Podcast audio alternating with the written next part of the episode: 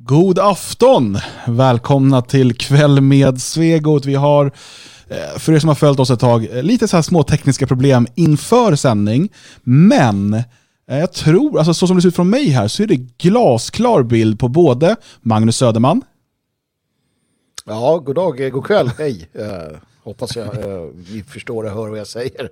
Jag sitter ju hemma, va, förstår ni. Och precis när, när eh, producenten drog igång sändningen så blev alla robotar hemma hos mig. Så jag vet inte, men jag tror att allting är bra nu. Det, det är som att det ska vara så där. Va? Eh, spännande, men gemytligt och trevligt. Eh, kul att sända med er, mina pojkar. Ja, och i Svenskarnas hus har vi en annan pöjk i glasklar full-HD, Björn Björkqvist. Mm, hallå där, här står jag. Är jag eh, med i sändning? ja, det är får, man, får man hälsa? Välkommen till Boomer-TV. ja, det, det är härligt. Eh, det är lite ditt fel Björn att vi, det var så stressigt här eh, när vi skulle dra igång sändningen. Du var ju försenad in i studion. Ja, det är mitt fel. Får jag vrida den här lite grann? Eh, du får göra vad du vill. Berätta varför du var försenad i studion. Det ser ut som att jag pratar med tittarna när jag egentligen tittar på tv. Uh, nej, det var ju så här att jag uh, äger ju en bil, ett fordon eh, som man får lov att framföra. För jag eh, har ställt på bilen idag och eh, bestämde mig då för att istället för att gå till arbetet så skulle jag ta bilen idag när det var lite bråttom. Och tro det eller ej, men då kommer det, jag möter en vit Volvo som bara tvärvänder och kör ikapp mig. Och så när jag stannar utanför huset här så säger de att eh, eh Hörru du du, du får inte köra bil. Då blev jag lite förvånad för att det vet jag att jag får. De tittade till mig på körkortet och sa att jag ändå inte fick. Eh, så sa de att din bil är avställd. Eh, varpå jag sa att eh, det är den inte alls. Ja, det var lite annat tjafs innan också. De ville se mitt körkort så jag fick se deras polisbricka. Och de, frågade om jag, de frågade om jag tillhörde det här huset. Och jag sa att vad är det för fråga? Vad tillhör du? Han var nej jag tänker på för att du har den där tröjan. Och jag sa att jag tänker på att du har den där jackan. Och så hade vi lite dispyt där fram och tillbaka om huruvida vi kom från olika platser och inte och sådär. Men ja, i alla fall. Sen tyckte de att jag var tyken och borde skärpa mig, så sa de att jag skulle blåsa. Och så precis när jag tar ett djupt andetag, då ställer de en fråga till. Så att jag tappar ju så och bara blåser pyttelite. Och så säger de att du ska blåsa ordentligt och då säger jag att du ska ni sluta prata med mig. Så ni kan inte hålla på och prata när jag ska blåsa. För att jag, och sen bestämde vi oss tillsammans för att polisen skulle vara tyst och jag skulle blåsa och jag blåste och jag var nykter och um, Sen så stod den kvinnliga polisen vid sidan om där och tryckte lite på telefonen och så sa hon att ja, nej men din bil är ju påställd. Så eh, sa jag att får man en ursäkt nu? Och då sa de att eh, du bör tänka på hur du uttrycker det till polisen. eh, och så, ja, lite sådär. Vi stod och pratade utan en kvart ungefär, men nu är jag här. Ja, härligt. Uh, men uh, du fick ingen ursäkt eller? Nej, men jag fick tillbaka mitt körkort och jag fick uh, lov att gå in. Och Mm, ja, jag har en laglig bil, kommer vi fram till. Ja, det är, det är skönt det. Eh, jag bara... Ja, jag Magnus, jag hör... de att de körde där med. Ja, jag tänker också det. Du muttrar ju här Magnus. Eh, tror du att det bara var en slump att de stoppade Björn i Elgarås för att påstå att hans bil är avställd? Nej, jag är så less på Mariestadspolisen. Eh, jag är så less på dem och deras eh, konstanta Eh, hart när trakasserier utav eh, oss som, som arbetar eh, och som bor i Elgarås. Jag är så trött på deras beteende ärligt talat. De tror att vi på något sätt ska, jag vet inte, bli oroliga eller någonting för att de kommer och, och, och leker anarkotyranner och demokraturens kreatur. Jag har varit med om det där själv, precis som Björn och, och andra också för den delen. Um, och, och, det är ju så att polischefen i Mariestad Eh, ärkebylingen själv, han har ju uttalat sig till Mariestadstidningen att sådana som oss eh, finns det inte plats för i kommunen. Um, polisen har tagit politisk ställning, uh, helt klart. Um, och jag tycker att det, det, det, det är sorgligt uh, som det är, helt, uh, helt klart. Och ja, upprörande. så jag vet inte, det, det, är också svårt att värja sig. Va? De, de är trots allt ehm, de är, de är vad de är. Va? Man kan inte göra så mycket åt det helt enkelt. Uh, men uh, jag tycker att Björn verkar hantera det på ett, på ett bra sätt. Uh. Ja, jag vet inte, men han sa att han var en frisvensk också. Ja, det är han ju inte. Han är ju en han är ju en byling, va? han är ju en snut, en demokraturens kreatur. Precis som de som regimen, sa jag. Upp, ja, upprätthöll covid-restriktionerna i Stockholm. det är ganska, de är ganska små människor. De, de, är, de är, ja, nej, det, det, jag har inte mycket gott att säga om dem där faktiskt. Man får ändå ge så, dem att de behöll lugnet. Ja, det är inte alltid lätt att göra med dig, det kan man konstatera. Så. Mm. Nej, det, är, det är pinsamt. Eh, pinsamma är vad de är faktiskt. Jag tycker det är så intressant också för att när vi öppnar Svenskarnas hus, eh, vi har varit helt transparenta, eh, helt tillgängliga, eh, alltså överdrivet tillgängliga. Jag tror ingen annan förening har varit så tillgänglig som vi har varit. Eh, just för att jag vill inte att vi ska hamna i situationen där polisen behandlar oss illa och vi har oss själva att skylla. Um, för att jag, så här, okay, vi ska verkligen göra allt nu för att visa att vi, vi, försöker, vi ska liksom göra allting by the book. Eh, vi, vill liksom har, ja, kom in och titta, här är vi, eh, här är mitt telefonnummer, ring om det är någonting. Och för att då kan de inte skylla på det när de behandlar oss illa. Och första halvåret, året, så var det ju faktiskt okej. Okay. Och polischefen eh, i Mariestad han ringde mig inför varje evenemang och liksom så hörde sig för och så. Jag svarade på frågor, liksom, vi har inget att dölja. Um, sen började hetsen i Mariestadstidningen. Um, och liksom lögner och, och, och uh, insinuationer och så vidare som, som uh, där man försökte rikta uh, misstankar emot oss om att vi skulle göra någonting annat än det som vi faktiskt gör. Och då märkte man också en skillnad ifrån polisen. Um, och Vi vet ju också från uh, lite kontakter inom polisen, som kanske inte helt håller med om, om den utveckling som polisen går, att uh, man på högre nivå talar om hur man ska trakassera och motarbeta fria svenskar och, och svenskarnas hus. Och, och, det är det vi ser Mariestadspolisen göra nu. Och då, då hamnar vi i ett läge där okej, okay, men vi har ju varit schyssta, öppna, transparenta, alltihopa. Och det här är vad vi får tillbaka. Då är frågan, ska, hur ska vi reagera nu? Och Jag tycker att du, du gör en bra avvägning Björn. Alltså man, man ska inte sätta sig i onödigt klister och hamna i fängelse. Men nog fan ska det inte heller vara lätt för dem. De ska nog få höra att de är att de är liksom statens lakejer och sådär. Eh, det, det, tycker jag absolut. För att eh, de har ju gått över alla möjliga gränser. Vi har inte begått några lagbrott. Vi har eh, betalat vår jävla fastighetsskatt fast vi inte vill. Vi har svarat på alla deras frågor de har haft inför evenemang. Varit helt öppna och transparenta. Och de, det de gör är att trakassera människor på väg till jobbet. Och du är inte den första Björn. Magnus har utsatts för det här och andra medarbetare till oss har utsatts för det här. Det, det är liksom, det är en del av eh, det politiska förtrycket som råder i Sverige.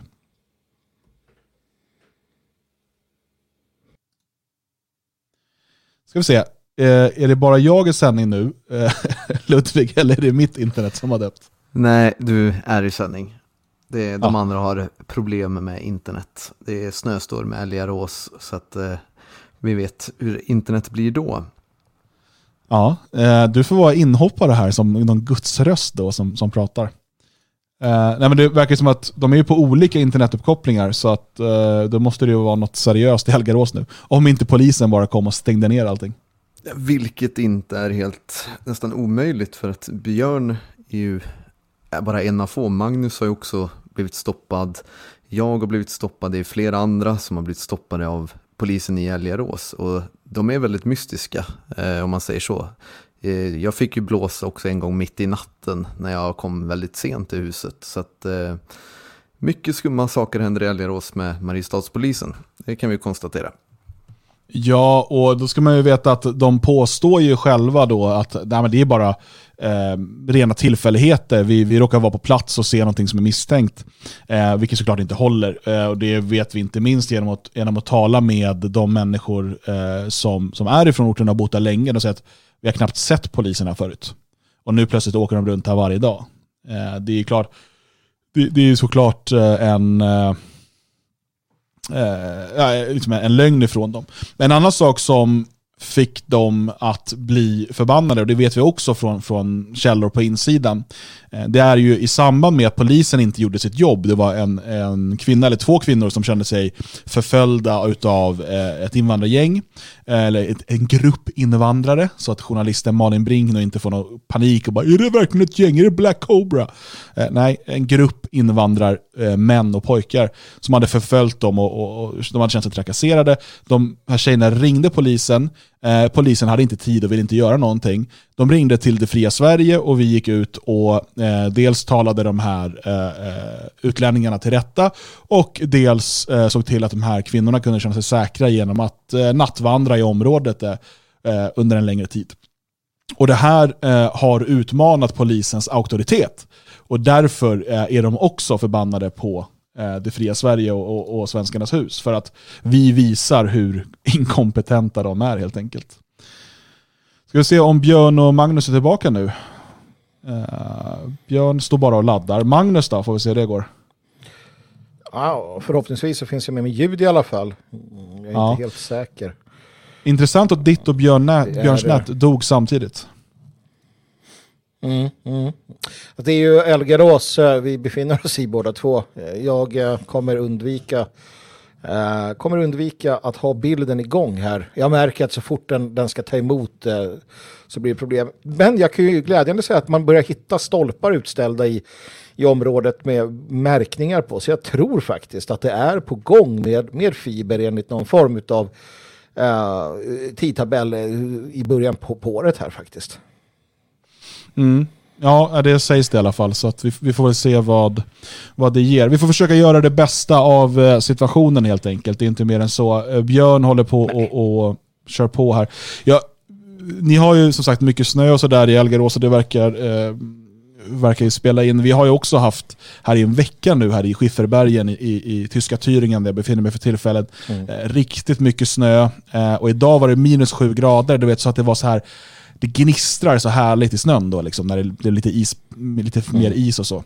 Eh, och, äh, det är riktigt fint och vi var ute hela helgen och åkte eh, pulka och snowracer, längdskidor, eh, passade på verkligen. Eh, tog med oss varm choklad och, och glühwein och, och bara njöt i, i vintervädret. Um, vi bor ju liksom i bergen, vi bor 550 meter över havet, men det är ändå inte alltid här där vi bor att det liksom är snö varje vinter.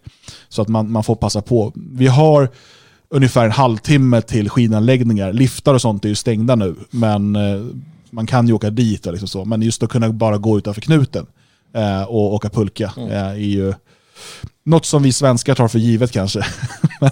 men, men eh, när man bor här nere så är, är det lite annorlunda. Alltså jag trodde jag skulle kunna ta det för givet, men eh, det har ju varit väldigt dåligt. Och nu när det väl kommer någonting så nu har det ju på att regna bort så att hela dagen idag så snöade det alltså vildsint snöfall. Och sen framför, framåt kvällen så blev det spöregn. Um, så att det är ju helt uh, vansinnigt. Så att det är så här tjockt snötäcke som ja, har blivit slask på några timmar. Det, nu räknar jag bara med att det fryser på här under natten. Eh, så att det blir fullständigt omöjligt att gå utanför dörren imorgon. Uh, men men, det, det, är väl härligt på sitt sätt ändå att ha det sådär. Uh, så att uh, ja, det, det, spelar som sagt roll. Jag tycker det är modigt av oss att, att envisas med de här uh, tv-utsändningarna trots, trots allting vecka ut och vecka in. Så att förr eller senare, skam den som ger sig. Ja, verkligen. Björn, har du fått tillbaka ditt nät? Ser honom i alla fall. Ja, och det är ju trevligt. Jag tar, ja, han är frusen nu. Jag trodde han bara var väldigt, väldigt fokuserad.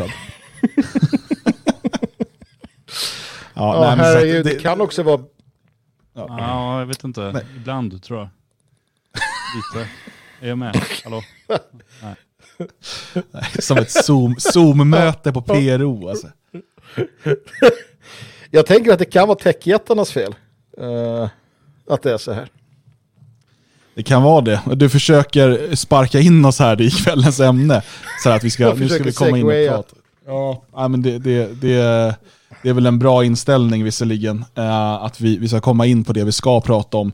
Eh, och Vi ska ju nämligen prata om, om nätcensuren och kanske framför allt eh, hur vi bör arbeta för att, för att besegra den. Jag kan bara konstatera att vi har nu haft en vecka utav nya Radio Svegot och det har varit en stor succé. Om du har missat något av programmen förra veckan så är de alla eh, öppna och gratis att lyssna på på svegot.se. I fredag så körde ju du, jag och Björn eh, Fredagstinget. Eh, och det har ju fått väldigt, väldigt fina recensioner. Det är ju lite annorlunda än de här sändningarna kan man säga. Det här är ju Eh, våra måndagskvällar, det är en sak som vi vill göra tillsammans med er som är mer live och, och liksom, ja, som nu på D-Live, det bara regnar citroner och eh, eh det är lite mer eh, tjo och kim på det sättet eh, och tekniska problem. Medan Fredagstinget är fokuserat, tre ämnen, 20 minuter per ämne eh, och det har en tydlig struktur på det sättet. Ehm, men det kan man lyssna på, på inne på svegot.se eller söka på Fredagstinget där poddar finns. Um, Ska se om eh, Björn kommer lösa det här, annars får, får vi klara oss utan honom och hoppas att ditt nät håller Magnus. Ja, det får vi hoppas. Jag, jag märker att så fort du öppnar truten och så, så går det åt skogen. Men jag tror att jag, jag kan dechiffrera vad du säger och eh, anpassa, anpassa mina kommentarer. ja, jag ber om ursäkt för det, att min, min röst är så stark att den sänker eh, nätet.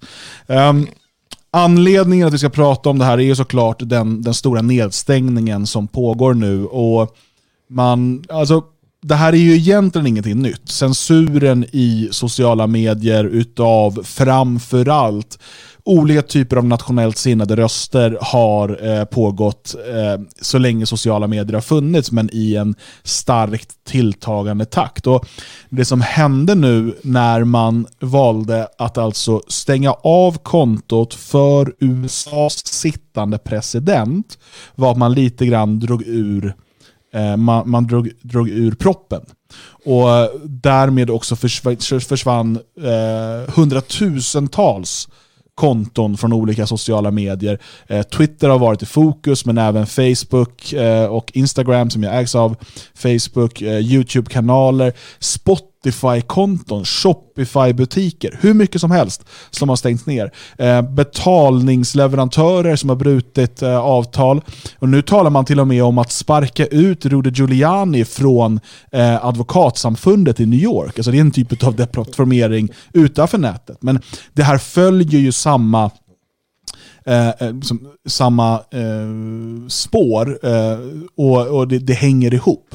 Och det här är inte bara ett amerikanskt fenomen, även om nu blir Trump något av en, av liksom en, en, en symbol här. Eh, men det säger något om att man är beredd från vad vi nu ska kalla dem. Jag tycker nog att globalister är det bästa samlingsnamnet. För de kan vara liberaler, de kan vara socialister, de kan vara konservativa. Men de är globalister och det är liksom det som förenar dem. De, de vill eh, upplösa eh, nationalstaterna, de, de vill utradera de vita nationerna. De har ett identitetspolitiskt och raskritiskt eh, tänkande som de kallar det. Eh, där, där man då bekämpar vit identitet, vit sammanhållning, vit överlevnad och så vidare. Och nu så skruvar man upp temperaturen. Och eh, det intressanta med det är ju de lösningar som faktiskt kommer i, uh, i bakvattnet och, och de kommer vi också tala en, en hel del om. Jag vet inte Magnus, hur ser du på alla de här nedstängningarna som sker nu? Jag, eh, du vet, jag tänkte att eh, jag vet, jag visste ju att man äh, ville stänga av Trump men jag tänkte också att det kommer dröja, alltså, eller, eller det kan man inte göra. Han är ju sittande president som du säger. Eh, man, man, man, stängde ju också av POTUS-kontot som är alltså presidentens officiella presidentkonto, inte bara hans eget, utan det som, som är presidentens konto.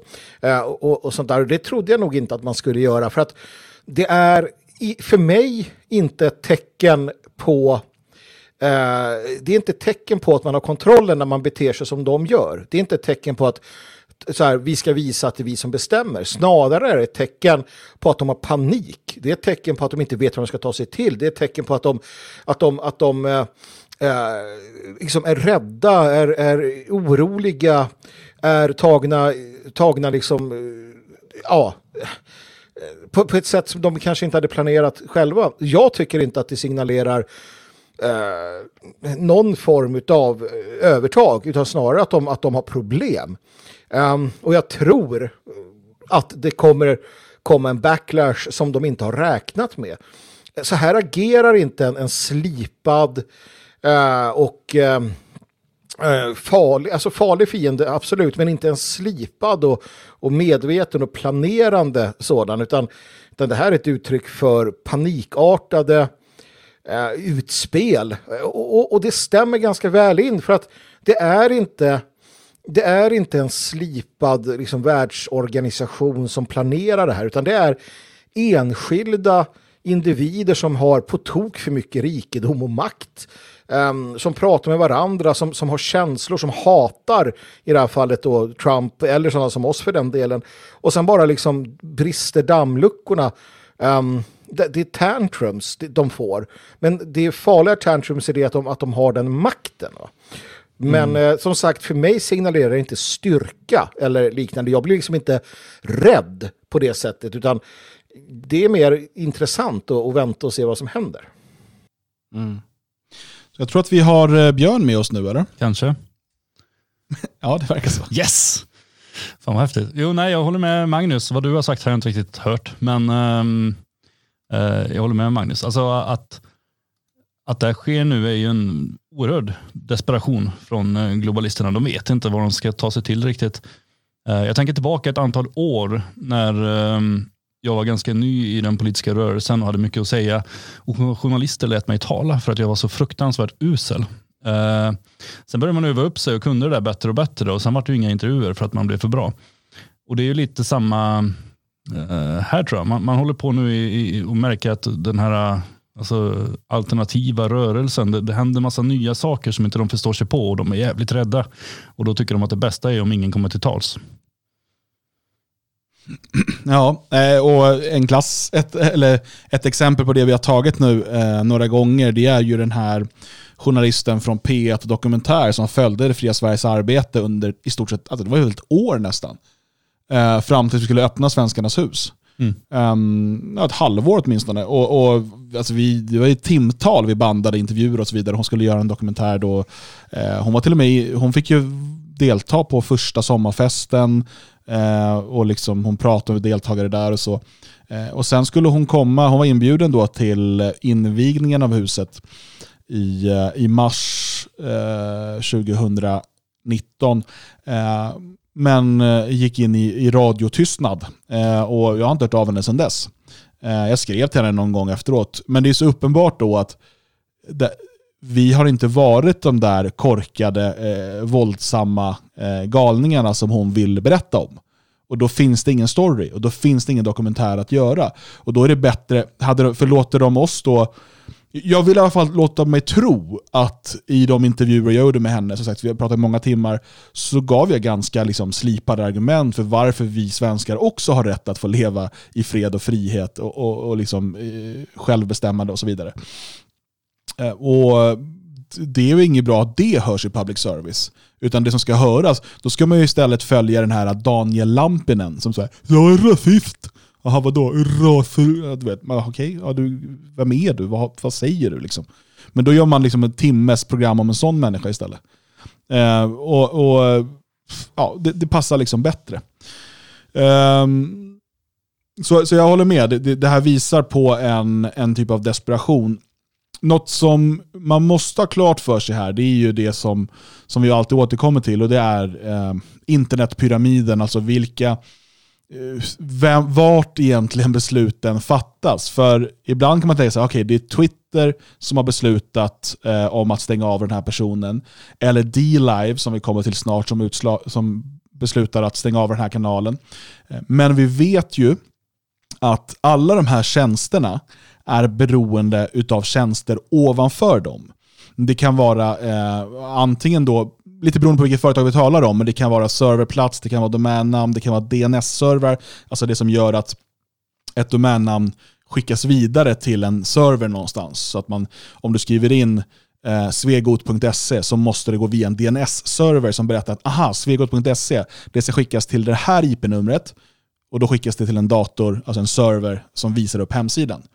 Men eh, på DNS-nivå, som ju kontrolleras av ett fåtal, så kan man då stänga av eh, möjligheten till det här, vilket man gjorde med, med Daily Stormer tidigare.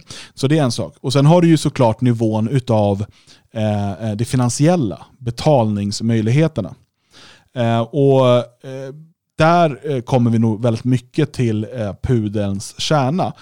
Eh, för de som inte minns, eh, till exempel då Patreon stängde ju av ehm, Robert Spencer från Jihad Watch.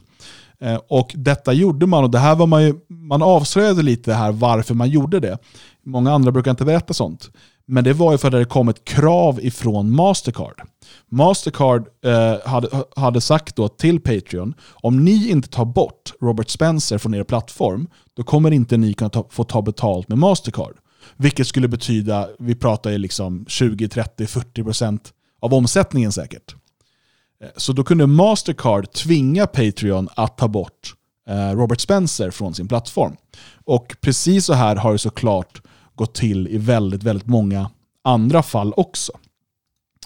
Um, och, och, Det är där vi kommer in på D-Live. Jag tycker att det här är viktigt. För att D-Live raderar, eh, jag tror att de raderade sju eller åtta kanaler eh, efter eh, den här demonstrationen och, och, och, ja, vad ska man säga, besöket i Kapitolium. Jag tycker stormning faktiskt inte riktigt håller. Ehm, men, det eh, låter ju coolt. Ja, precis. Men det, man ser bilderna på folk som går i raka led innanför de här röda banden och typ så här, oj, titta här, åh vad trevligt. Det är inte så jag föreställer mig stormning riktigt. ja. Uh, och, uh, det, så D-Live väljer sen då att ta bort uh, sju eller åtta kanaler, varav de kändaste är väl Baked Alaska och eh, Nick Fuentes. Eh, och man skriver ett uttalande på sin hemsida om det här.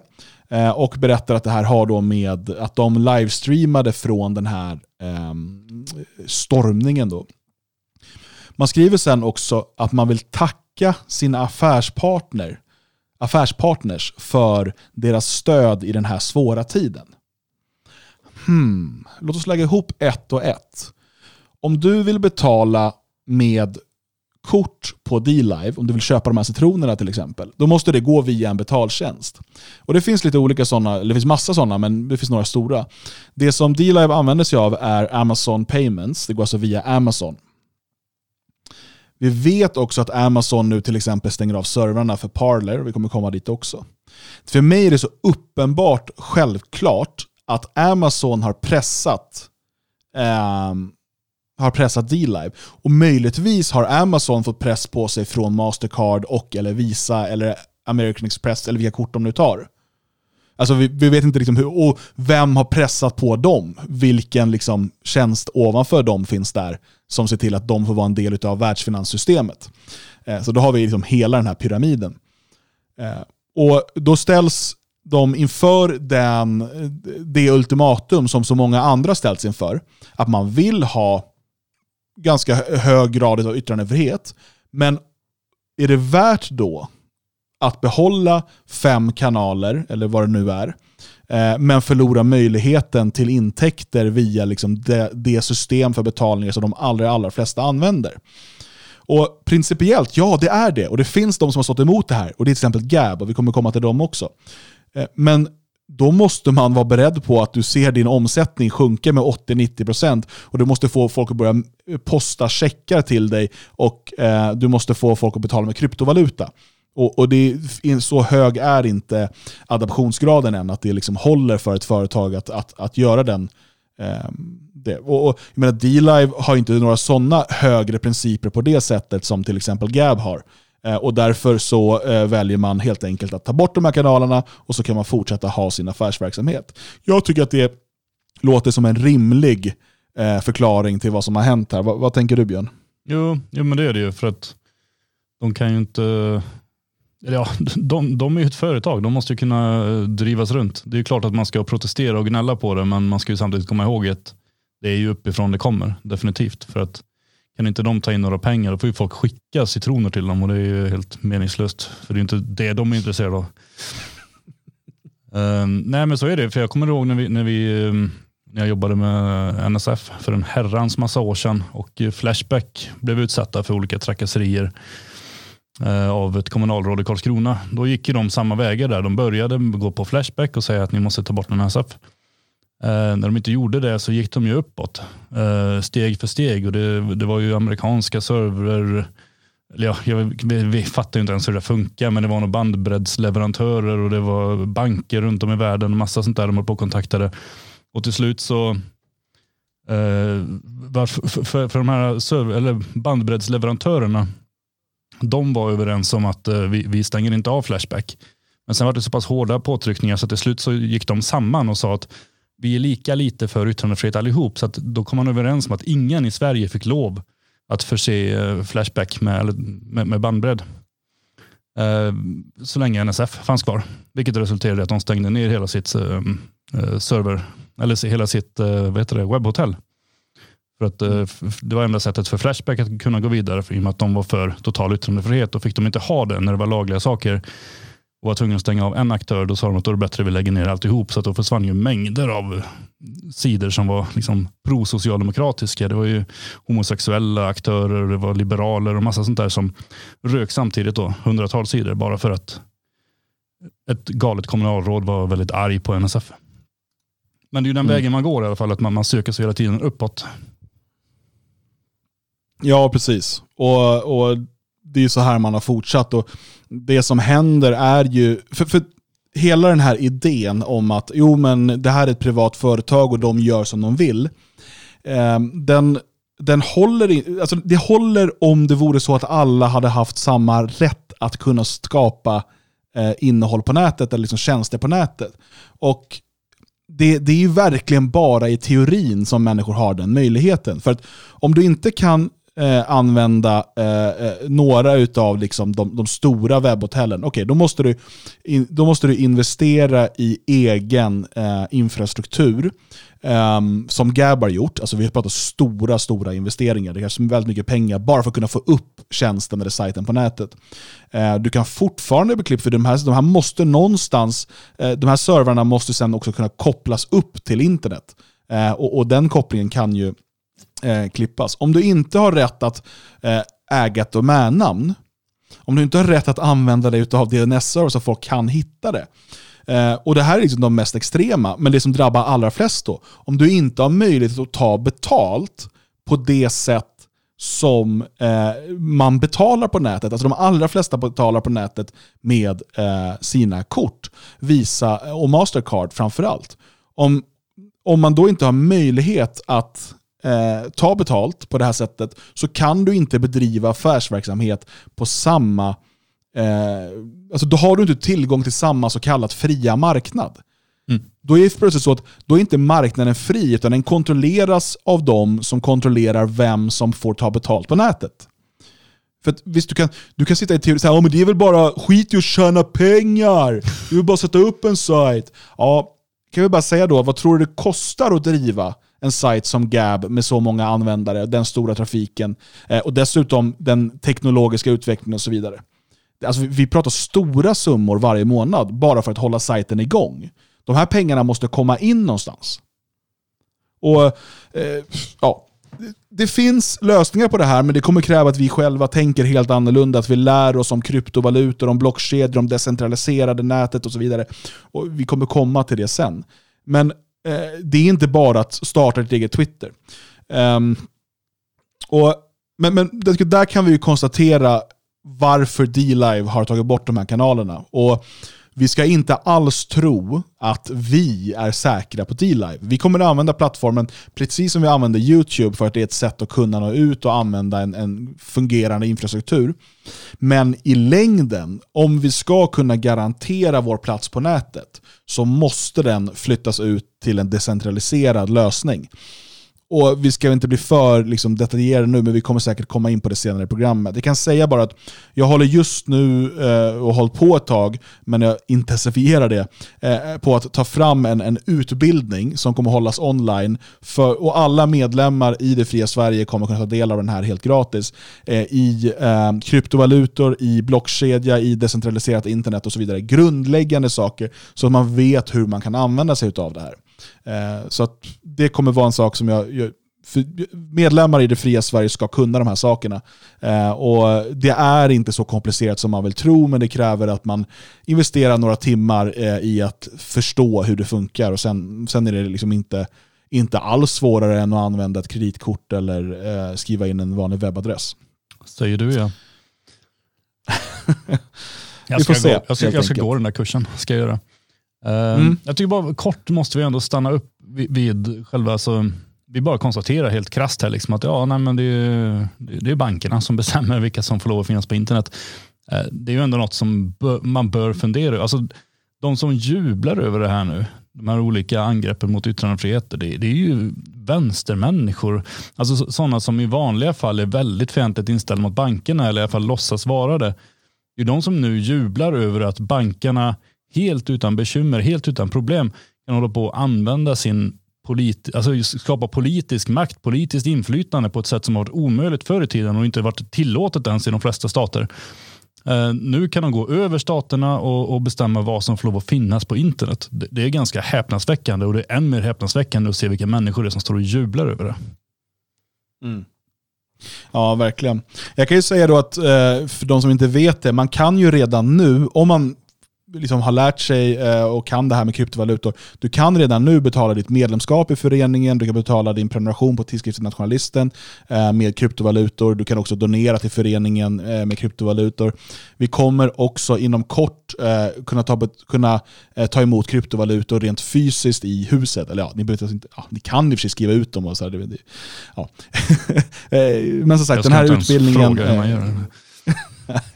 Ja, det, är, det är precis som det låter. Citroner. Men eh, ja, ta med citroner till huset så löser vi det. Eh, helt klart. Eh, Men, men då blir så här, okej, då, då är frågan, vad är lösningen på det här? Eh, och många ropar på eh, statliga interventioner, att eh, man måste förbjuda de här nättjänsterna att ehm, censurera eh, och, och sådär.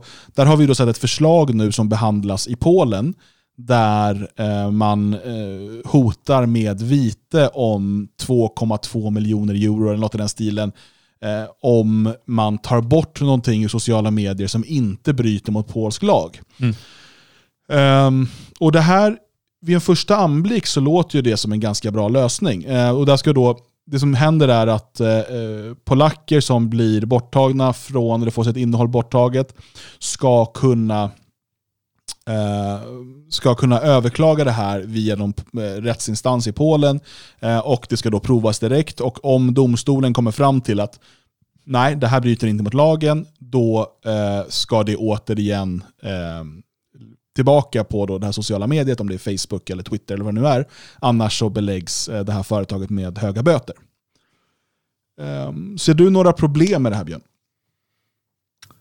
Ehm, ja, egentligen gör jag det. Men, men samtidigt om alternativet är som det ser ut just nu och alternativet är att regeringen kallar in sociala medier och säger att vi kommer ställa till problem för er om ni inte börjar plocka bort lagliga saker som man gör i Sverige så tycker jag att den polska varianten är betydligt bättre. Men nej, jag har ju inte tänkt klart för jag väl säga. Ett bekymmer är ju att egentligen i grunden i ett vanligt friskt samhälle så borde ju varje plattform kunna få bestämma var det ligger på den. Men, men, ehm, Mm. eh, men så, så enkelt är det ju inte och då tycker jag väl att polackerna har tänkt till betydligt mer än vad Sverige har gjort. Ehm, ja, och det här med att man får välja vad som finns på plattformen, det är också rimligt, men då bör man också ta ansvar för det man väljer att ligga där. Det är där den här frågan blir då, är du publicist eller tillhandahåller du en plattform eller en tjänst? Mm. Eh, och eh, Som det är till exempel på nationalisten.se så har ju vi en, en eh, ansvarig utgivare som då tar publicistiskt ansvar. Då, därför kan man säga nej men det här vill inte vi publicera. Eh, Medan ehm, Twitter, och Facebook och YouTube tar inget publicistiskt ansvar utan det ligger på den enskilda användaren och därmed är de bara en tjänst. Alltså de kan på det sättet då jämföras med eh, telefon eller post eller så. Och det där har vi pratat många gånger om. Ett problem som jag ser med den polska lösningen det är att vad blir konsekvensen av det? För att internet är som bekant eh, globalt. Och Det finns olika lagar i olika länder. I Tyskland är det förbjudet att säga att eh, det inte dog 6 miljoner judar eh, i, i förintelsen under världskriget. Det är förbjudet att säga att nazisterna var goda och så vidare. Eh, I Turkiet är det olagligt att säga att, man, eh, att turkarna har bedrivit folkmord på armenierna. I Frankrike är det olagligt att säga att turkarna inte har bedrivit folkmord på armenierna. Mm. Det som, om det här ska genomföras för varje stat, så kommer vi inte kunna ha ett globalt internet. Då kommer vi inte kunna ha, då måste du ha, det här innehållet syns i, du, vi får ett Kina, ett, ett, ett, ett Kinas eh, brandmur. Att staten bestäm, ska då bestämma, det här innehållet får synas på vårt internet. För att i Tyskland är det ju så att eh, sociala mediejättarna måste ta bort det som är olagligt enligt tysk lag, annars döms de. Mm. Därför har Facebook här en jättecensurenhet som raderar friskt hela tiden.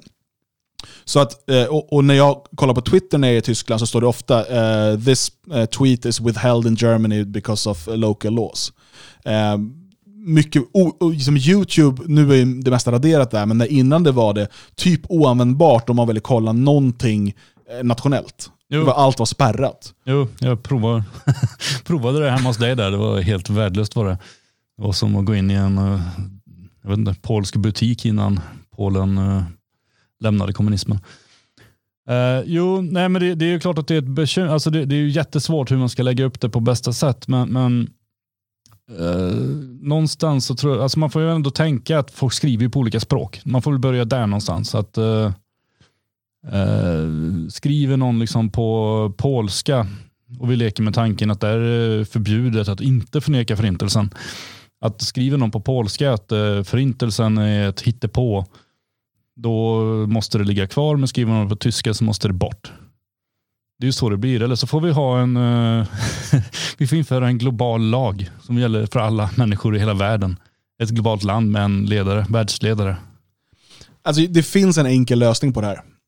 Alltså, helt ärligt, det finns en enkel lösning. Och Det är att den individ som skriver något är straffrättsligt ansvarig. Sen är det upp till en domstol att bevisa i vilket land du skrev detta.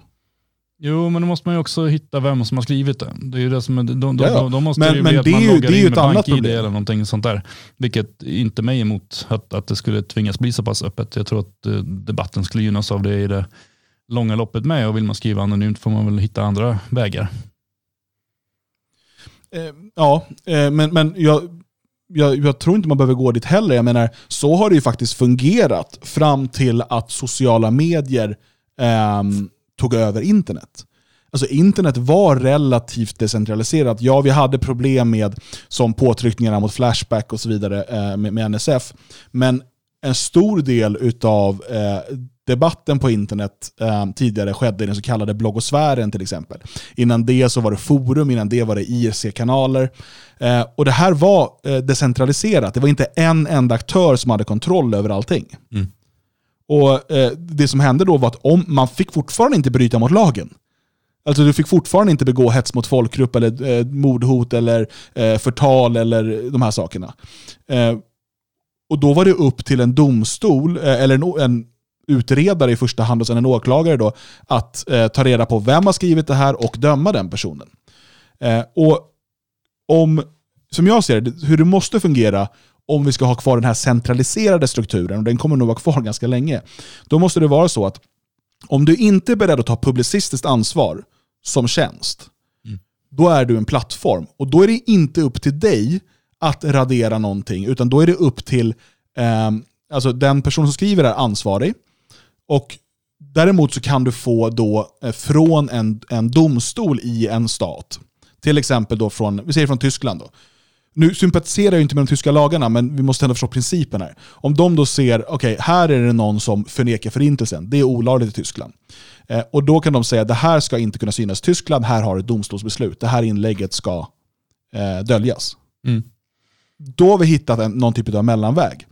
Men eh, där, alltså som det blir nu, där eh, plattformarna är inte ansvariga, men de ska ändå hålla på att leka moderatorer. Då, då, då, eh, alltså det blir både liksom varken hackat eller malet. Nej, men Och så då, då får man säga, okej, ni, ni är en plattform, ni behöver inte ta publicistiskt ansvar. Det enda ni behöver göra är att följa domstolsordrar. Om en domstol säger att det här måste eh, tas bort, då tas det bort. Annars får inte ni ta bort någonting. Mm. Det, är inte, det är inte ert jobb. Nej, men det det, är det rimliga. Men det är väl någonstans åt det hållet som Polen försöker nu väl? Eller har jag missförstått deras eh, lagstiftning? Ja, eller tvärtom då att eh, eh, om, om man raderar någonting så... Eh, så, så eh, och ja visst, det är på väg dit, men, men det blir problematiskt när varje land har olika regler. Alltså olika... Okej, men där kan man göra så. Och vem... Ska det vara skrivet från Polen? Eller ska det vara på, på, mot Polen? Mm. Om en eh, polsk dissident sitter i London och skriver, eh, eller, om en, eh, eller om en tysk dissident sitter i Polen och skriver på tyska. Eh, det, det är ju ja, det, det är supersvårt. Och Jo, det- det är de här svåra ändå- frågorna som ställs inför. Jo, men så är det ju ändå med internet och har ju varit hela tiden. Alltså, eh, vi har ju nu att om någonting skrivs på svenska till en svensk publik, då är det svensk lagstiftning som gäller. Även om eh, jag skulle sitta i Tyskland eller mm, Ukraina och skriva det. Eh, däremot om jag sänder tv från, om jag sitter i England eller om jag sitter i Sverige och sänder det jag sänder ut till Storbritannien som sänder tillbaka det till Sverige på svenska, då är det Storbritanniens lagar som gäller. Mm. och Det beror ju på att Stenbecksfären som var de som satte igång med de här tv-kanalerna, TV3 och några till, de fick ju det prov, prövat i domstol och då vann de. Liksom, de var ju kapitalister och, och därför gick domstolen på deras sida. Däremot med internet när det prövades så var det eh, Nordland tror jag som hade ett eh, internetbrev som de skickade ut till e-postadresser och då eftersom att det var nationalister som blev prövade den gången så var det på det andra sättet. Så det beror lite slumpmässigt på vilka som har testats från början. Men så är det med lagstiftningen nu i alla fall. Att allt som vänder sig till en svensk publik från svenskar, då gäller svensk lagstiftning. Mm. Ja, det och det, det, är ju, det är ju underligt i sig. Ehm, för att, eh, och liksom en ganska omöjlig, eh, det är omöjligt att hålla den för övriga världen. Alltså jag tänker framförallt på kanske den engelskspråkiga världen. Att allt som skrivs på engelska ska då vara straffbart i Storbritannien, USA, Indien, vet, alltså alla länder som har engelska som officiellt språk. Nej, men det blir ju jättesvårt och det, det, det är där alltså, lagstiftningen är ju inte gjord för internet. Internet är ju någonting nytt som har kommit och eh, lagstiftningen har inte hunnit med överhuvudtaget. Eh, vilket gör att nya idéer och tankar måste prövas eh, och komma fram. Och, eh, Eh, vi, det är mycket möjligt att vi inte är i närheten av vad som egentligen vore det allra bästa. Men för, för det är ju klart att någon form av lagstiftning måste det finnas också. Man kan ju inte sitta på internet och skriva liksom att ah, nu ska jag gå ut och skjuta någon eller uppmana alla andra att gå ut och skjuta någon. Och så ska det vara lagligt bara för att det står på internet. Men ja, jag vet inte, medborgare kanske att man är skyldig i det land man är medborgare i. Då blir det ju kul för att då blir det för en gångs skull en nackdel för de invandrare som har två medborgarskap. Just det, man kan straffas också enligt eritreansk lag.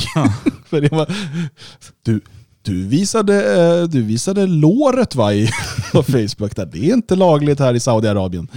Ehm, ja, nej precis. Det, det är klart att det, det är liksom svåra frågor, men jag tror att om det, som det är nu så sätter man ju makten i händerna på eh, big tech-företagen att styra eh, diskursen. Och vi, alltså jag menar, vi har tusen, eh, tusen, fall, eller tusen varianter av kritik mot demokratin.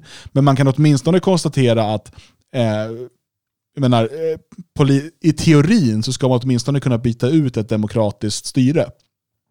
Men medan eh, big tech-ägarna kan vi inte alls byta ut på samma sätt. Nej, och det är väl egentligen det som är en av de stora kri- kritikerna mot demokratin. Att det sitter sådana här eh, med oinskränkt makt och styr vad vi får lov att läsa, vad vi får lov att tänka, vad vi får, vad vi får lov att tycka.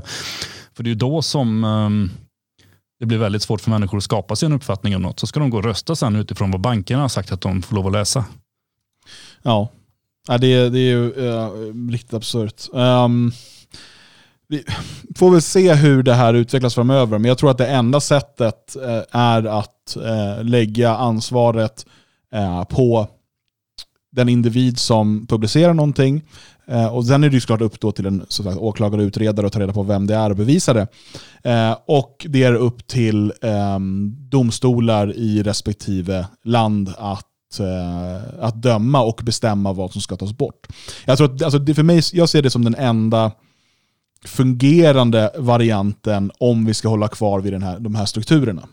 Jo, och dessutom så måste ju de sociala medierna välja om de ska vara publicister eller plattform. Eh, Ska de vara publicister så visst, absolut, gå in och redigera hur mycket ni vill. Men då ska de också vara ansvariga för allt som publiceras. Ja, precis. För, för det som blir nästa nivå på den här pyramiden, mm, är svårt att säga vad som är högst upp i pyramiden, men det som skapar ännu mer problem, om vi då hamnar i ett läge där till exempel Facebook och Twitter måste ha kvar det som är lagligt i ett land, fast det är olagligt i ett annat land, eh, det är ju att vi hamnar med statliga blockeringar. Så som vi ser till exempel i Tyskland då, att vissa tweets inte syns och sådär. Men det här kan ju gå ännu längre. Alla vi som har försökt besöka en del amerikanska sajter sedan GDPR-lagen gick igenom vet ju att man är som, som, som Ehm, internetkonsument i EU är du stoppad, du är blockerad från att besöka vissa amerikanska nyhetssajter. För att de tycker att det inte är värt för oss att hålla på med all den här GDPR-tjafset och liksom göra oss redo för det. Vi riktar oss framförallt mot en amerikansk publik. Så när du försöker gå in där så står det tyvärr, sen så går det här såklart att gå runt med VPN och så, men det är liksom en separat fråga att det går att ta sig runt. Um, och på precis samma sätt, uh, för, för att det blir också så här, om Polen har rätt att säga att Ja, det är inte att spela djävulens advokat, men vi måste liksom dra det här till sin spets. Om Polen har rätt att säga att ni kommer få böter om ni inte har det här kvar på er plattform, vad är då, då har ju också Tyskland någonstans rätten att säga att vi kommer ge er böter om ni har det här på er plattform. Och till slut så hamnar man i en situation där eh, Tyskland också då har rätten att spärra och säga att nej men nu kan man inte besöka Twitter från oss för där bryts det mot tysk lag hela tiden. Alltså det, det, det blir en väldigt komplicerad situation. Och återigen, som jag ser den enda lösningen så länge vi har en centraliserad struktur är att man har det individuella ansvaret Men det, eh, jo, men det, är på där- den som publicerar. Det är ju här det blir sånt dilemma med i och med att det är så eh, väldigt, väldigt besatta lagstiftare som har skapat sjuka lagar. Menar bara, ah, du tycker fel så nu ska vi kasta dig i fängelse. Det, det är ju bara genomdumt och då blir det svårt att eh, hålla igång den här verksamheten. Alltså internet är ju inte gjort för tysk lagstiftning. Tysk lagstiftning är ju liksom, det går ut på att folk ska sitta och ge ut böcker. Och sen ska de skicka en bok till staten och så ska staten säga att det här var en dum bok, du ska åka i fängelse. Eller nu har du spelat gitarr, nu ska du åka i fängelse. Det är inte till för att man ska sprida saker på internet och det blir oklart vem som har gjort vad och varifrån det kommer och sådär. Lagstiftningen har inte hunnit med överhuvudtaget. Mm. Nej, nej, så är det. Eh, och det är ju frågan då, vad blir, om man liksom kollar i spåkulan lite, vad, vad kommer bli svaret? Vad kommer bli, det här blir vår lösning nu? Och du nämnde ju här, ja då måste man ha en global lag. Eh, och man börjar ju, alltså det, det som inte det, händer alltså. nu, nej nej, men, men det är ju där man, det är en stor risk att det är där man hamnar. Mm. Eh, eller så här, vi kan till och med säga att vi är redan där idag. Bara det att de här globala lagarna stiftas av ett fåtal eh, eh, jätteföretag. Mm. För att det är ju faktiskt så att Twitter och Facebook och YouTube, det har ersatt, alltså det är där politisk debatt förs, mainstream-debatt. Eh, sen så finns det, jag menar vi kan alltid hänga på D-Live och, och eh, Odyssey och så vidare och det kommer finnas folk där och eh, Gab och så vidare. Men på de här stora eh, jätteplattformarna där eh, liksom debatten förs och det, det som kan påverka brett eh, på det sätt som behövs om man till exempel vill ha framgångar i demokratiska val och sådär. Eh, där är det ju så att lagen för vem som får säga vad och vad som får sägas är eh, stiftad utav liksom, de här företagen. Och dessutom, du har noll rättssäkerhet. Du får inte veta vilket brott du har begått. Du blir så straffad utan att få veta vi- Alltså utan att eh, de kan peka på att det var det här som var brottsligt. De bara säger du har begått brott, du är straffad. Eh, du har ingen möjlighet att överklaga eller så har du bara en som ceremoniell möjlighet att överklaga, för det betyder ingenting. Eh, det finns ingen högre instans att gå vidare till och så vidare. Utan man kan med ett klick radera eh, liksom, ditt, ditt livsverk. Alltså det, om det liksom är eh, hundratals eh, filmklipp som du har producerat, eh, där du har byggt upp hela din affärsverksamhet. Det kan raderas så här fort. Och du har ingen möjlighet att ehm, att liksom ta det här till en högre instans. Du får inte ens veta, som när vi blev borttagna från YouTube senast, du får inte ens veta vad det är du har eh, gjort. De kan inte peka på något enskilt exempel. Det finns ingen du kan ringa, du kan inte prata med någon, du kan inte få reda på någonting. Och där har vi då den eh, digitala, globala eh, världsregeringen, om man så vill, världslagen eh, för den offentliga debatten på nätet. Jo, men så är det absolut. Men sen är ju också den delvis anpassad efter lokala eller nationella regler och sådär. Jag menar, Twitter och jag vet inte vilka av företagen som tillåts i typ Kina, men jag menar, de som tillåts i Kina har ju en annan, ett annat regelverk för kineser än vad de har för svenskar och vad de har för amerikaner. Så det, det, det är ett givande och tagande från de här, men det det som regel alltid slutar med är ju att den som mest vill begränsa yttrandefrihet vinner. Oavsett om det är Twitter eller om det är Sverige. Det är, det är ju aldrig mm. så att bara, ja, nej, men nu, nu vill ju Sverige ha lite mer yttrandefrihet än vad vi på Twitter tycker om. Så då ger vi er det. Så är det ju inte. Utan det, det är ju alltid den som begränsar mest som vinner. Ja, um, precis. Alltså det, det, kan alltid vara mer det kan aldrig vara mer yttrandefrihet än vad lagen tillåter i respektive land. Nej. Men det kan alltid vara mindre. Ja, och det är alltid mindre i princip. ja, nej precis. Utom uh, nej, det, det, det, är helt sant. ja, vi får se uh, hur, hur, vad det här i Polen får för effekt om det nu um, röstas igenom. Um, vi ska prata om alternativen och, och liksom hur vi besegrar det här och vad vi kan göra. Eh, för att vi kan konstatera liksom att det är fel som det är. Vi kan konstatera att eh, det skulle behövas eh, alltså hårdare eh, nypor ifrån eh, staterna för att Eh, garantera yttrandefriheten på nätet. För att, eh, vilken lösning man än väljer, om det är Polens eller om man skulle ha en sån lösning som jag säger, så behövs ju det då eh, regleras av staterna och, och framförallt de stater där de här företagen är verksamma rent fysiskt, för då kan man belägga dem med olika typer av böter och så vidare. Alltså om de har en filial där, om de har serverhallar där, om de har sitt huvudkontor där och så vidare. Hur som helst så är det då en politisk lösning i det fallet. Sanningen är ju den att vi nationalister eh, har inte den politiska makten idag. Så vi kan inte förändra lagarna.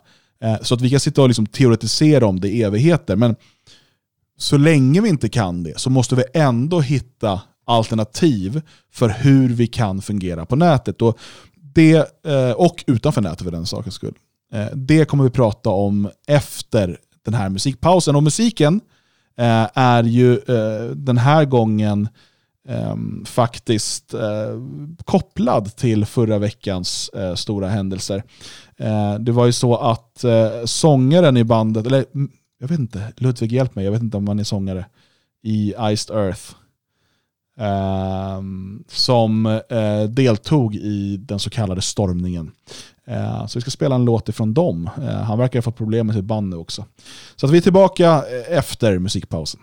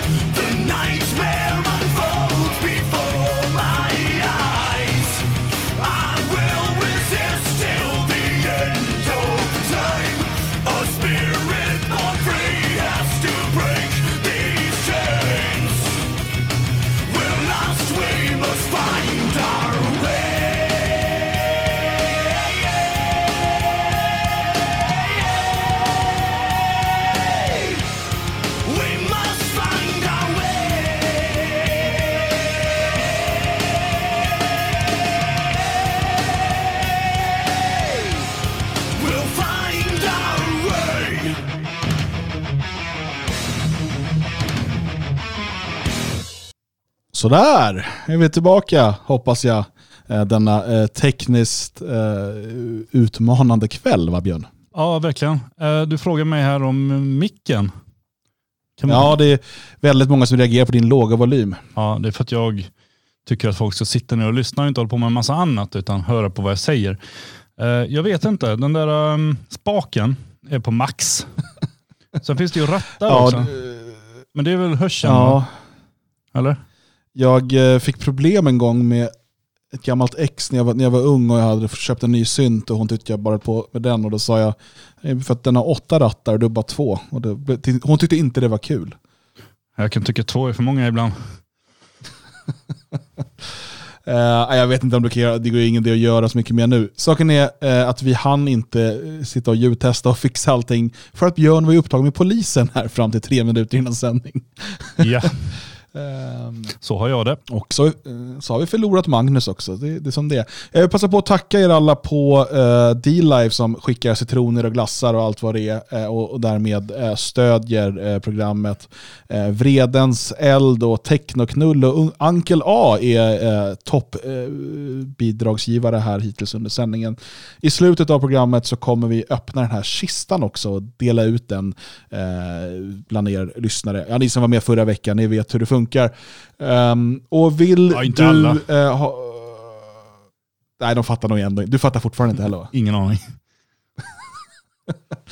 Eh, Efter eh, programmet så hoppar jag och Björn, kanske Magnus om vi kan få liv i hans internet, in på eh, Radio Svegots chatt på Telegram. Ehm, den som pågår nu under sändningen också. Eh, då hoppar vi in i, i, i röstchatten där och kör ett litet eftersnack. Så att vill du hänga lite med oss efter sändning eh, så är det på Telegram. Eh, och Svegot chatt är användarnamnet eller sök bara på Radio Svegots chatt. Eller så går du in på svegot.se och trycker på chatt där någonstans. Så borde det lösa sig. Vad säger du Björn, ska vi prata alternativ och lösningar? Mm, det ska vi göra. Ehm, eller ja. Ehm, ja, det, det är väl bra. ja.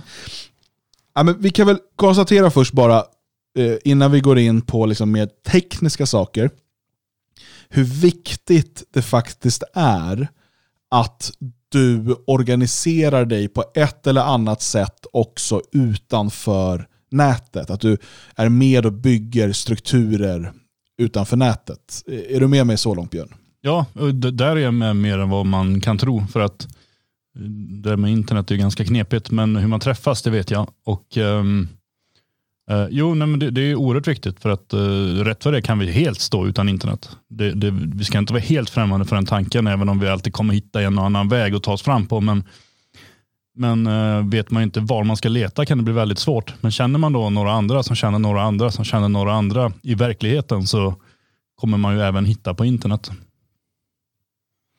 Ja. ja, visst är det så. Och Det är ju så att när, när vi eh, liksom fick tummen ur och bestämde oss för att slå slag i saken och grunda det fria Sverige, det var ju eh, alltså det var något som hade planerats, eller så här, du, vet, du vet ju Björn, man sitter och snackar om att det här borde göras och så här borde det göras och så blir det inte mer än det. Men det som liksom fick oss att eh, så här, men nu sätter vi oss ner och ser till att det här blir gjort. Vi börjar ringa folk, se vilka som vill vara med och, och dra igång det här. Det var ju för att motgift eh, blev avstängda. Eh, vi fick dels ett bankkonto nedstängt och dels blev vi avstängda från Paypal. 2000, slutet på 2016, början på 2017 hände de här sakerna. Och eh, vi hade redan blivit avstängda från YouTube. Vi hade blivit avstängda från Facebook. Eh, och Det var så tydligt att Eh, vi måste bygga strukturer som dels inte är beroende av techjättarna, men också som inte är beroende av nätet. Eh, det här var också under en tid då man i Europaparlamentet eh, diskuterade det här telekompaketet. Och Det alltså innebär att i stort sett skulle, och det har inte gått igenom, men man jobbar fortfarande på det. I stort sett skulle då internetleverantörer kunna helt begränsa internet och säga att ja, men, för eh, 200 kronor i månaden då får du tillgång till SVT, Aftonbladet, eh, Facebook och liksom någon mer. Så här. Men vill du ha tillgång till mer av nätet, då kostar det 500 kronor i månaden. Och Det man inser då, det är ju att de allra flesta kommer välja 200 kronor i månaden. Mm. För att ja, det, är det här man ska liksom, det räcker ju det här. Det är precis som att du, liksom, du köper ju inte Eh, alla kanaler i ditt kabel-tv-paket, även om det går. Eh, för att du, det är ändå bara de här fem jag kollar på. Liksom. Eh, och, och, vi får se hur det blir med utvecklingen, men det, gjorde ju också, det hjälpte ju till att vi skulle förstå det. Och då var det så här, vad behöver vi göra? Jo, vi behöver bygga strukturer utanför nätet. Vi behöver eh, dels eh, liksom, se till att folk blir medlemmar i en förening så, och, och liksom så att vi kan nå varandra postledes, men också skapa mötesplatser eh, som är våra. I, eh, dels för att kunna ha våra evenemang och, och, liksom, och så vidare, men också i ett läge då vi inte kan nå varandra på nätet. Då kan vi återsamlas på de här mötesplatserna och det är det som är Svenskarnas hus. Och det första Svenskarnas hus öppnade i mars 2019 eh, och det är där som, som Björn är just nu och, och har stått, det har stått värd för en massa evenemang. Eh, tyvärr lite färre nu under, under covid-hysterin, men eh, så de stegen har liksom redan tagits. Um, finns det något annat du tänker Björn som man kan göra utanför nätet för att uh, ja, försäkra sig mot den här censuren? Eh, uh, Nej, alltså, nätverkande är ju A och O. Det är det absolut viktigaste man kan göra. Bygga ett eget starkt nätverk. Uh, I första hand ett litet, alltså en, in, en inre grupp uh, som man Ehm, ja, med människor man litar på. Som man vet att eh, man kan gå igenom mycket tillsammans med. Eh, sen i sin tur så ska det finnas yttre ringar, alltså som ringar på vattnet, att det blir större och större och det finns folk utanför det inre, den inre kretsen som man har kontakt med och så vidare. Och de i sin tur har ju sina egna nätverk som de bygger upp. Det är ju, det är ju på det sättet som, eh, vad ska man säga, gerillastyrkor till exempel ofta byggs upp på. Eh, och utan att vi ska kanske gå i ett fysiskt eh, riktigt krig här nu så är det ju ändå en form av krig som pågår. Och ehm, vi bör nog titta på hur de arbetar och arbetar likadant. Mm. Ja, man kan lära sig mycket där. En annan sak som vi har gjort, eh, för det, med alla de projekt som vi, som vi drar igång och så vidare så finns det ju en långsiktig tanke. Det är en av våra, eh, det är liksom en av våra grundidéer. Allt vi gör ska ha en långsiktig tanke för att frigöra oss från eh, det nuvarande systemet och dess restriktioner. Och eh, Det är också en av anledningarna till att vi har tidskriften Nationalisten, alltså en fysisk eh, tidskrift. Eh, jag har faktiskt senaste numret här, det kommer ut som lösnummer imorgon. Eh, men det har redan skickats ut till prenumeranter. Men Eh, varför en fysisk tidskrift i en tid då man kan nå många fler via nätet? Jo, för att bygga upp infrastrukturen för eh, att kunna nå eh, människor på andra sätt än via nätet. När vi stängs av från alla sociala medier, eh, när internet på något sätt då stängs ner och så vidare, och vi inte kan nå folk på samma sätt, då kan vi skicka ut, då kan vi fortsätta kommunicera viktiga nyheter, viktiga analyser och så vidare i den här fysiska tidskriften. Och därför är det också väldigt viktigt att man, eh, om man har möjlighet och, och sådär, att, man, att man tecknar en prenumeration och ser till att få hem den här fysiska tidskriften, för att den kan inte eh, på samma sätt stoppas som den digitala. Eh, vi har ju dessutom sett till att eh, göra oss oberoende genom att ha ordning så att vi kan trycka tidningen helt själva. Eh, nu för senaste numret har vi använt ett externt tryckeri, men vi har ju kvar vårt tryckeri i huset eh, så att vi kan alltid gå tillbaka till det om tryckeriet eh, säger upp avtalet med oss. Eh, det enda vi inte har eh, liksom löst ännu själva är eh, distributionen. Så om posten skulle stoppa oss så måste vi hitta en alternativ lösning. Men då, då får vi lösa det då, eller? Är du beredd att hoppa på cykeln då, Björn, och köra? Jag tror vi kan lägga på dem på en gul låda utan avsändare bara. Om det skulle vara på, Ja. det, på det sättet. Jo, nej men eh, så, så är det ju absolut. En papperstidning betyder oerhört mycket. Ehm, I och med att den är svårare att stoppa. Betydligt svårare att stoppa. Och, jag menar, lä- läser man en bra artikel på internet så, och vill gå tillbaka till den en vecka senare så kan sidan vara stoppad och försvunnen och man hittar aldrig den artikeln igen. En papperstidning den ligger ju kvar där man lägger den. Eh, så så att, ehm, och sen är det ju mycket trevligare att sitta och bläddra i en riktig papperstidning. Eh, måste jag ju säga. Även om jag nu idag jobbar med nätvarianten av den här tidningen. Men, eh, men, men en papperstidning Du skriver ju papperstidningen också. Ja, precis. Fantastiska artiklar skriver jag. Eh, men eh, jo, klart. nej, men det, det, hela tidningen är ju fantastisk. Alltså det, det har ju blivit ett gäng riktigt bra skribenter som Eh, kommer med väldigt olika vinklar men ändå med en nationalistisk eh, grundtanke. Och det, mm, det har varit riktigt kul att jobba med det här gänget. Och det, mm, ja, även nästa nummer har jag börjat titta lite grann på. Eh, uh, tjuvtittar, så här, smyger bakom Magnus när han sitter och redigerar och det, det kommer bli helt underbart. Ja ja, vi ser alla fram emot att läsa det. Nationalisten.se. Eh, för dig som är prenumerant och har ju redan fått hem tidningen, är du digital prenumerant, för det kan man ju faktiskt vara också om man av någon anledning inte vill ha den fysiska, det kostar lite mindre, eh, då kommer den som pdf till dig i morgon också. Eh, jo, när vi pratar då om, om eh, alternativ, så det handlar ju såklart om att göra oss så oberoende som möjligt från de stora eh, techjättarna. Och vissa plattformar vi använder idag ser jag som övergångsplattformar. Alltså de är inte optimala och vi kommer förmodligen inte eh, kunna verka där ostört, speciellt om vi liksom växer oss för stora. Och D-Live är ett sådant exempel. Eh, D-Live garanterar inte yttrandefriheten. Ett annat sånt är Telegram. För även om Telegram har visat sig stå upp för yttrandefrihet på många sätt, så är det fortfarande så att det är centraliserat. Alltså, Telegram kan ta bort våra konton därifrån.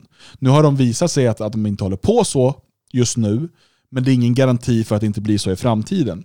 Men det är både D-Live och Telegram är användarvänliga tjänster som är ett enkelt steg för människor från Twitter, från YouTube och eh, dit. Eh, och och liksom, man behöver inte lära sig så mycket nytt. Och Vi kommer använda oss av de plattformarna, inklusive eh, big tech-plattformarna, Twitter, Facebook, YouTube, så mycket vi kan, även när vi bygger våra alternativ, när vi gör oss oberoende. Jag tycker man kan jämföra det med, för att även om vi då eh, kommer behöva arbeta på alternativa plattformar, eh, vare sig det är D-Live, Telegram, Gab och så vidare, eller en helt decentraliserad lösning, som jag kommer komma till om en stund, så eh, ska vi hela tiden göra räder in i big tech-lösningarna. Och de kan ju vara olika långa beroende på hur länge man får hållas. Men eh, vi ska ju vara där för att försöka nå de människor, som, alltså den publik som finns där. Jo. Det är väldigt, väldigt viktigt. Alltså, även om vi avskyr vad YouTube står för, så ska vi använda oss av YouTube så mycket vi kan för att nå publiken som är där. Jo, och det är inte så konstigt. Jag vet, jag, vet, jag har ju kört några filmer på min YouTube-kanal som ligger kvar än så länge. Eh, så har jag ju pratat lite grann bland annat om vad YouTube står för och tagit avstånd från deras verksamhet. Och folk frågar då, ja, men varför finns det här? Varför finns det här? Det är ju inte speciellt konstigt. Det, det är ju ungefär som att vi satsar på att eh, bygga svenskarnas hus. Det betyder ju inte att vi vägrar gå utanför. Eller att vi säger, nej men nu ska vi inte sätta upp klistermärken utanför svenskarnas hus, utan nu sätter vi bara upp dem här i källaren. Vi måste ju nå nya människor och tala om att det finns alternativ. Det finns sköna människor som glider runt i det här huset, men det vet ju ingen om om alla är inlåsta här. Utan vi måste ju ut, och det är ju samma med plattformarna. Vi måste ju ut där människor finns för att locka dem till de bättre alternativen. Jo, precis. Och man kan se det lite som att de som eh, får hänga kvar på Twitter, och Facebook och YouTube, de står där, de får bara matas med en typ av budskap eh, hela tiden. Eh, alltså det måste hållas inom ram. Om vi bara då visualiserar det framför oss, hur de alla står framför en, eh, en scen, en talare som står och säger det finns ingen svensk kultur, det finns ingen svensk kultur, det finns ingen svensk kultur. Och då liksom, ibland kommer vi bara inspringande i ett hörn så här. Det finns svenskar! Vi har rätt att leva! Och de flesta kommer bara att säga det finns ingen svensk kultur. Men några, varje gång som det kommer in någon och skriker det där, kommer så här. Det var någon som, vänta, det var någon som sa något här borta. Något helt annat än det som står och ropas från den här stora scenen. Jag kanske ska gå och kolla vad det är för någon person. Och så dras man ut till de eh, fria alternativen, de fria plattformarna eh, och kan få mer information. Och det- Men det är den typen av räder vi måste göra. Inte bokstavligen, alltså inte bara gå in på Twitter och skriva. det finns. Eh, Jag, försöker bara visualisera det här om man skulle göra det i den fysiska världen. Att vi måste ju fortfarande gå dit. Där. Ja, eh, Du ja. Ja, men då, Men tror jag, också... då tror jag alla fattar om jag, om jag är med på dina eh, långsökta jämförelser. Jag försöker verkligen förenkla det här ner nu till, så att även Björn ska förstå. Det, det är så det är. Det tackar jag för. Eh, absolut. Varsågod. Um, och för att eh, när det gäller plattformar nu som vi kan använda så har vi då Telegram, vi har D-Live, vi har eh, Odyssey eller Library, det är samma eh, sak. Eh, men Odyssey är en liksom, video, ett videoskal för Library-nätverket och det är där vi publicerar våra videos i efterhand. Om du, du aldrig har hört, om du aldrig har hört de här orden tidigare så, eh, så att jag kommer hålla utbildningar i det här för medlemmar i det fria Sverige. Du kan också hitta länkar till alla de här sakerna på svegot.se. Eh, och Library är decentraliserat eh, i sin natur. Och Det finns fler sådana alternativ. Till exempel, jag ska bara säga några namn nu, kommer inte gå in i detaljer, men som Hive eller eh, Steam eh, och så vidare, som alltså bygger på blockkedjeteknik, samma som eh, det mest kända är ju bitcoin som då kryptovaluta som också bygger på en blockkedja. Ehm, där du rent tekniskt inte kan bli censurerad. Och då kan man bara säga, för att förenkla det väldigt mycket, eh, blockkedjetekniken, tänk dig som databasen där liksom, om du lägger upp ett inlägg på eh, en social media som bygger på det här så sparas det i den här blockkedjan. Det kan inte raderas därifrån. Däremot så kan du bygga tusen olika appar ovanpå det här eh, som hämtar från den här databasen och visar upp då, om det här har Björn lagt upp nu. Um, men eh, då kan ju den appen välja att ah, men vi kommer inte visa något från Björn i den här appen. Men du kan aldrig försvinna ifrån databasen. Eh, så det kommer aldrig försvinna helt. Däremot kan vissa välja att inte visa det. Eh, och det här, det här handlar ju då om en decentraliserad lösning. Och som jag ser det så är det den enda framtiden för ett fritt internet. En del pratar om det här som webb 3.0. Eh, Och jag, jag, jag ser väldigt mycket att eh, vi behöver gå dit. För det gör också att du miss, den här poängen med att du måste hyra serverplats av någon försvinner. Eh, I, I stor utsträckning. Vi kan dividera fram och tillbaka. Det går också att bygga då alternativa DNS-lösningar och sådär. Um, och uh, där i ligger uh, framtiden för ett fritt internet. Problemet med de här tjänsterna idag är att det inte är inte lika enkelt. Det är inte lika användarvänligt som att starta ett konto på Twitter eller öppna en kanal på YouTube. Jag inser det. Det är inte mycket svårare, men det är, det är tillräckligt mycket svårare för att man ska liksom gå till det lite bekvämare alternativet som redan finns. Och framförallt så finns ju inte publiken där som den finns på de stora plattformarna. Men jag ser en framtid där vi måste bygga våra lösningar på eh, decentraliserade nätverk medan vi gör räderna in i de här centraliserade nätverken för att berätta att det finns svenskar, fria svenskar som vill ha en svensk framtid. Och några kommer då vara intresserade nog att gå och ta reda på mer på de här decentraliserade alternativen. Uh, och, så att det här, för den som är intresserad, kolla gärna upp det här och som utbilda dig i det här och försök förstå det.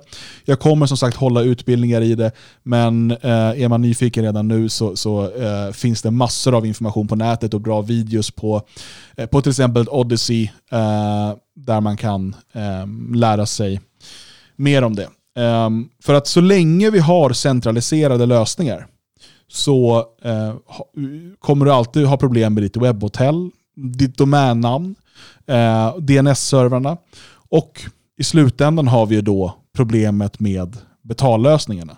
För det är ju den här svåra nöten att knäcka. Hur ska vi kunna ta betalt med Visa och Mastercard um, i framtiden? Har du en lösning på det Björn? Nej, det, det har jag ju definitivt inte. Eh, vad ska jag säga? Eh, om, om, Jag ville mest bara få en möjlighet att dricka lite vatten, så Ja. jag försökte bara lämna över. jag känner så här, det är så här jag ser ut när jag inte alls är med i ämnet. Alltså jag, jag försöker förstå det du Eh. berättade om nyss och jag försöker... Ja, jag, nu har du druckit vatten. Ja, precis. Nej, utan vi kommer i framtiden, eh, alltså vi måste förbereda oss på en framtid där vi inte kan använda eh, Visa och Mastercard. Där vi inte kan använda Paypal, där det kan vi, det fria Sverige är redan bannade från Paypal sedan länge. Eh, och därmed också Svegot och så vidare. Eh, och där vi faktiskt, och det här, det här är ju eh, det här som folk måste inse, där vi kanske inte ens kan använda oss av traditionella bankkonton. Alltså vi, vi, vi, vi går åt den riktningen. Många har förlorat sina bankkonton. Ehm, alltså, och då pratar vi, eh, i Sverige har många drabbats av det, vi drabbades av det på motgift. Eh, Nordiska motståndsrörelsen har drabbats av det, Motpol har drabbats av det, Fria Tider var väl som drabbas nu senast. Eh, I Frankrike så blev alltså Frankrikes näst största parti, som då hette Front National och nu heter Rassemblement Rassemblement National eller något sånt där va? Eh, nationell samling tror jag. Eh, alltså Marine Le Pens parti, blev av med sina bankkonton och kunde inte öppna ett bankkonto i Frankrike. Mm. Så de var tvungna att öppna ett bankkonto i Ryssland, vilket då tog som förevändning utav fransk media för att de var köpta av Ryssland. De hade ju inga alternativ. Alltså, och, och det är här mm, det är, liksom, det är på väg. Och det är möjligt att det här kommer kunna förhindras med lagstiftning om vi får in lite bättre politiker, men vi ska inte vara, liksom, gå och vänta på det. Utan jag ser det som en plikt. Jag ser det som en plikt för varje nationellt sinnad att sätta sig in i hur kryptovalutor fungerar. Det, det, jag vet, det är tre timmar av ditt liv som du måste investera i att lära dig förstå det här. Eh, och jag förstår att 98% av er som hör det här kommer inte göra det. Jag vet det. Vi har sett det här gång på gång. Men det är för att alla tror att det är så svårt. Det är inte svårt. Återigen, jag håller på att förbereda en utbildning i detta för att hjälpa er så mycket jag kan. Men det finns oerhört mycket information på nätet om du är intresserad. Eh, annars bara vänta, vänta på min utbildning. Den kommer i Så- samband så med ska din jag- bok. Nej, det kommer strax efter boken ska sägas. Eh, men men det, det är oerhört viktigt. För att eh, jag vet att Gab brukar säga det att bitcoin is free speech money. Mm. Och det ligger väldigt mycket i det. Jag tycker inte att bitcoin är den bästa kryptovalutalösningen, men det är den som alla känner till och den är störst och så vidare. Ehm, och Det här är saker som... Jag kan säga när jag, lärde mig om kryptovalutor för 7-8 år sedan, 2013 tror jag jag öppnade min första plånbok. Eh, och eh, det har hänt väldigt mycket sedan dess, det har blivit mycket enklare och så. Eh, Var, och, var det så redan då att folk sa att hoppa inte på det här för det tåget har redan gått? Ja, absolut. Ja. Jo, och det där är en annan sak som jag vill poängtera här. Man ska inte blanda ihop spekulation i kryptovalutor med att använda kryptovalutor. För att spekulation i kryptovalutor är såklart en sak. Så här, ja, men kommer bitcoin gå upp eller ner eller sådär. Ehm, och, och, och det tycker jag är frikopplat ifrån, okej, hur kan vi använda kryptovaluta för att handla med varandra? Och eh, vi Eh, i det fria Sverige eh, tillsammans med andra nationella aktörer har långtgående planer på att bygga egna lösningar för det här så att vi kan göra oss helt oberoende. Jag ska inte säga för mycket nu eh, för att det är ingenting som är klart och det, är liksom, det, det ligger i framtiden. Men vi Precis som att eh, det fria Sverige hela tiden har sagt att vi, kommer göra, vi ska göra oss så oberoende av de nuvarande systemen som det är möjligt. Vare sig det är staten, vare sig det är big tech eh, eller banksystemet, så måste vi bygga lösningarna för att bli oberoende. Och om det betyder att vi måste skapa vår egen valuta, ja då skapar vi vår egen valuta. Så enkelt är det. Och, eh, men, men redan nu så kan vi använda free speech money. Vi kan lära oss om kryptovaluta och lära oss använda det. Det är inte komplicerat. Det är mitt huvudsakliga budskap. Det är inte komplicerat. Man vill få oss att tro att det är komplicerat, men det är inte det. Um, och som sagt, jag kommer att återkomma till uh, utbildningsdelen Um, längre framöver. Så alltså, vi måste göra oss så oberoende som möjligt. För det finns två saker att skilja på här. Dels att nå ut till andra människor, och det gör, måste, då måste vi använda big tech-plattformarna, gå dit och skrika eh, och liksom försöka få över dem till alternativa plattformar. Under tiden måste vi bygga vårt oberoende alternativ. Vi måste bygga vår egen infrastruktur eh, vad gäller fastigheter och möteslokaler, bostäder och så vidare. Vi måste bygga vår egen infrastruktur vad det gäller eh, affärsverksamheter. Vi måste bygga vår egen um, vår egen infrastruktur vad det gäller eh, finanssystem, vare sig det är liksom våra egna banker, våra egna valutor och så vidare. Allt det här måste göras. Inget av det görs i en handvändning. Inget av det kommer vara klart, alltså allt det här kommer inte vara klart imorgon, eller om ett år, eller om tio år.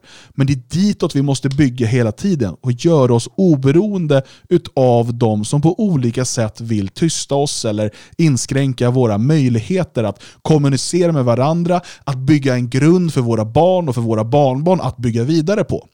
Det här, det här är det fria Sveriges styrka, att vi har hela tiden sagt det, att det här är det vi ska göra. Vi ska bygga grunden för att vara oberoende för de som vill oss som fria svenskar illa.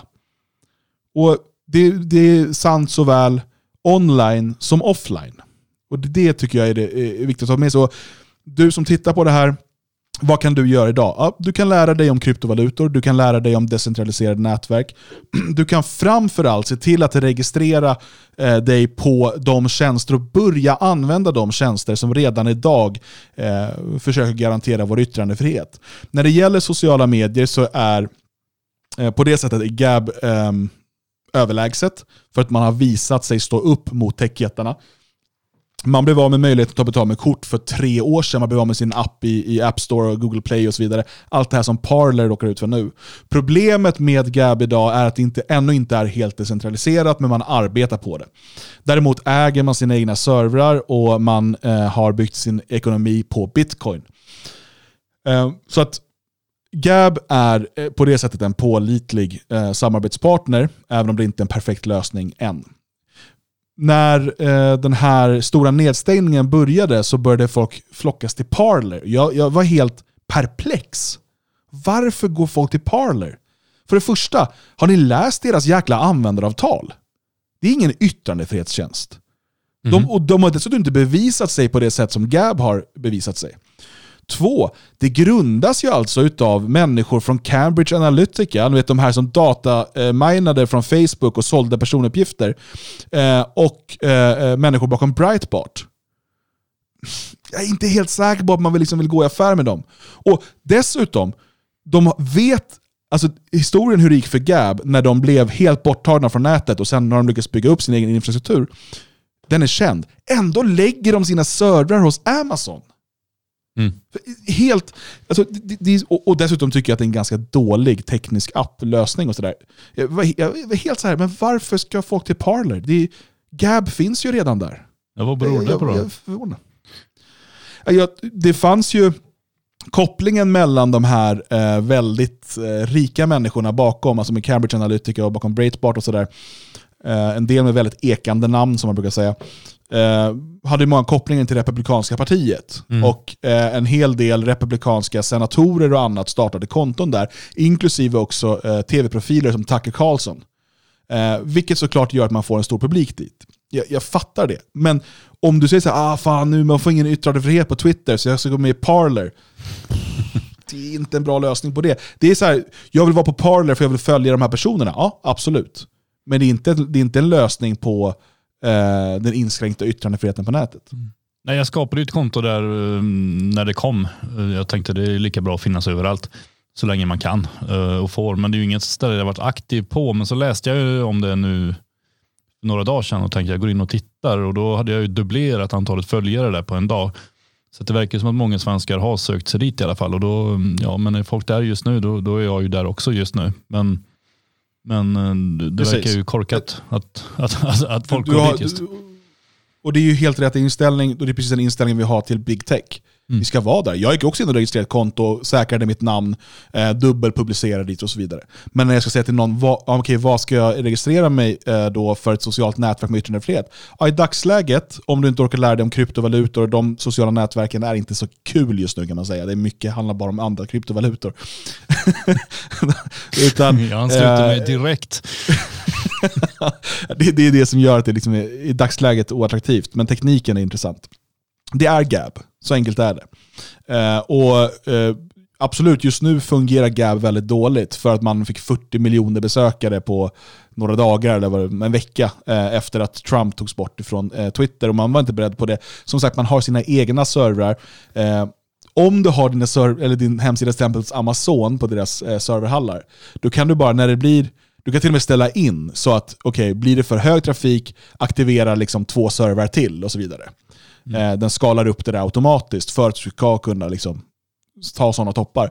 När du som Gab då fysiskt har köpt dina egna servrar, installerar dem, kopplar upp dem mot nätet, ehm, så när det blir en sån här eh, spik som du inte var beredd på, ja, då måste du ju fysiskt åka och köpa fler servrar, konfigurera dem, få dem att fungera, alltså allt det här. Så att det är en klart en annan sak, men man bygger ju därmed också sin egen infrastruktur. Så att jag tycker det är självklart, om man vill ha, ha, ha sociala medier, så eh, är Gab ett, ett mycket bättre alternativ om man vill ha yttrandefrihet. Men hur är det med appen då? Funkar den inte alls nu eller? Nej, ehm, utan det är ju i, i webbläsaren som man kör, även på mobilen. Mm. Ehm, För det, har Jag jag tycker dock fattat. att det, det måste ju ha varit så ganska länge eller? För jag, jag har ju bara gått in och lagt upp mina inlägg och så har jag loggat ut igen. Eller stängt appen bara. Eh, Så fick jag se det nu att det, det måste ju vara en månad som jag har gått och lagt in inlägg som bara har publicerats i min app. Men som inte har synts någon annanstans. Ja. Nej, Så eh, kan så, det finns ingen, det finns ingen app just nu Mm. ehm, till, till Gab.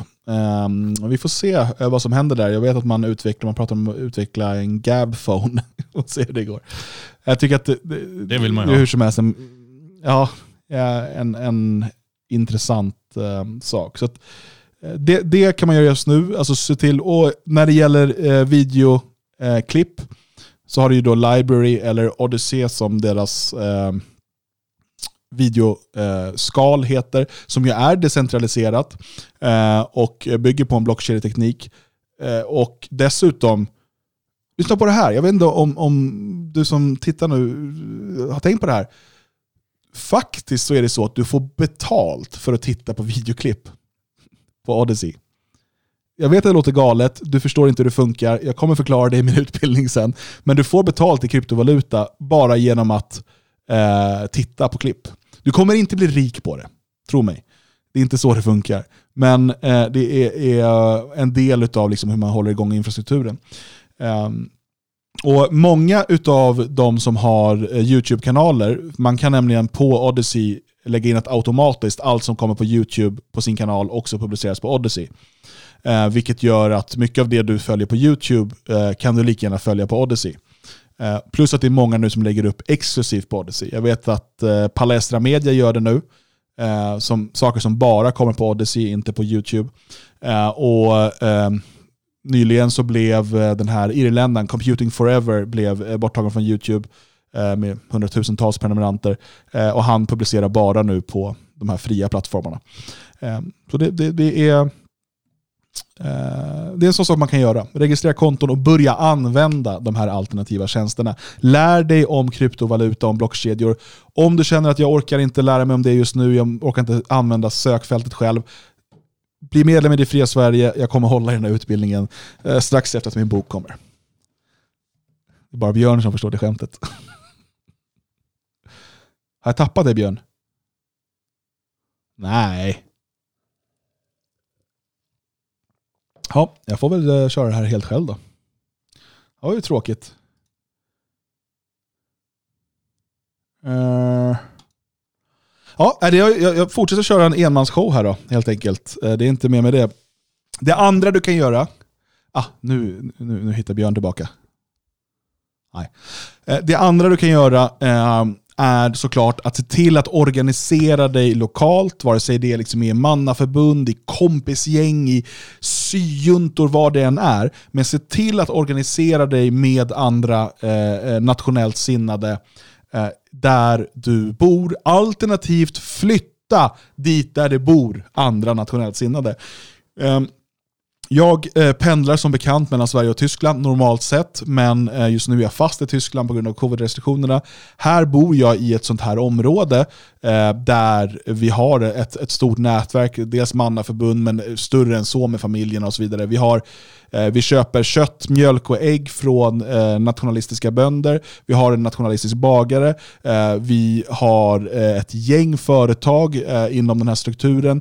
Vi har en pub och restaurang som drivs av en av våra kamrater. Allt inom ja, 20 kilometers radie. Och på så sätt har vi liksom byggt upp ett nätverk av ehm, av eh, människor med eh, nationella åsikter som ser till att stötta varandra på olika sätt. Eh, ska inte gå in för mycket i detalj på det. Men, men se till att göra det här där du bor, alternativt flytta dit där det finns. Elgarås är ett sådant exempel. Vi i det fria Sverige försöker underlätta detta. Vi kan inte göra allt det här åt dig. Men via friasvenskar.se, alltså vårt eget interna sociala nätverk för alla medlemmar i föreningen, där kan du gå med i länsgrupper. Eh, så bor du till exempel i Värmland så kan du gå med där och börja bygga kontakt med människor eh, som bor eh, nära dig och sen se till att träffas utanför nätet.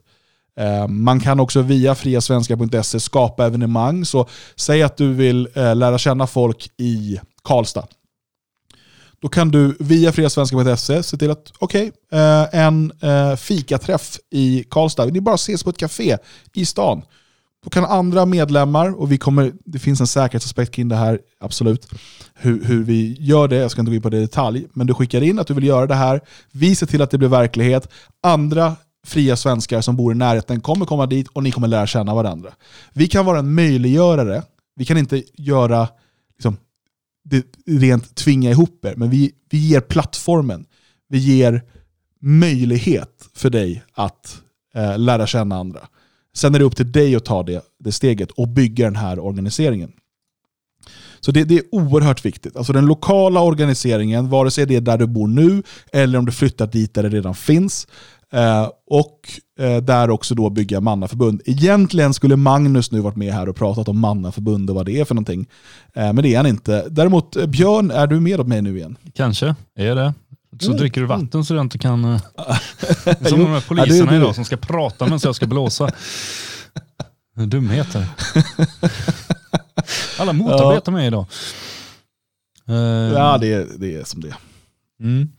Eh, jo, nej, men det, det är oerhört viktigt och, och, att, att bygga sina mannaförbund. Och, och, eh, jag får ju säga för, för egen del så har jag ju precis flyttat till Elgarås för att eh, komma närmare, alltså där det finns en eh, organiserad verksamhet och kamrater som jag vet är beredda att offra någonting för att, om, om det behövs.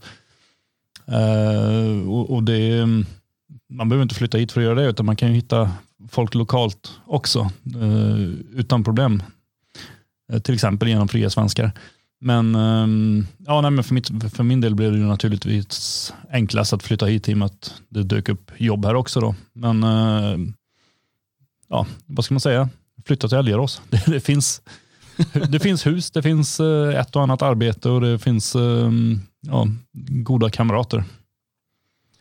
Ja, och alltså vi i det fria Sverige, vi har, alltså nu, det är en sån lista på eh, projekt som vi vill sjösätta. Eh, och allt det beror ju på liksom vilka resurser vi har. Och det, inte bara i pengar, visst någonstans i, i slutändan blir det väl det, men det handlar framförallt om människor. Eh, som, som kan driva projekten. Och en del saker kan man göra på fritiden, andra behöver man då kunna komma loss på heltid för. Men saker vi vill göra och som vi kommer göra, om det blir i år eller nästa år eller när, när det nu blir, det är ju till exempel eh, se till att ordna att det är lätt för människor att flytta till de här områdena. Till exempel genom att eh, eh erbjuda eh, hyresbostäder. Eh, och Det är någonting som är görningarna just nu, jag ska inte gå in på mer detalj, men, men vi bygger upp ett nätverk och, och eh, det har redan tagits beslut på årsmötet för ett år sedan om att vi ska grunda ett fastighetsbolag och så vidare. Allt det där är på gång. Ehm, det är en sak. Det andra är nätverket av företagare, arbetsförmedling. Ehm, och, och Det är också sånt som, som sker bakom kulisserna hela tiden nu. Ehm, för att man också genom att kunna ha en fri svensk som arbetsgivare, om man inte är eh, själv eh, företagare, kunna göra sig mer oberoende. Genom att kanske inte då behöva eh, känna att man är rädd för att få Ehm, sparken på grund av sina politiska åsikter och sådär.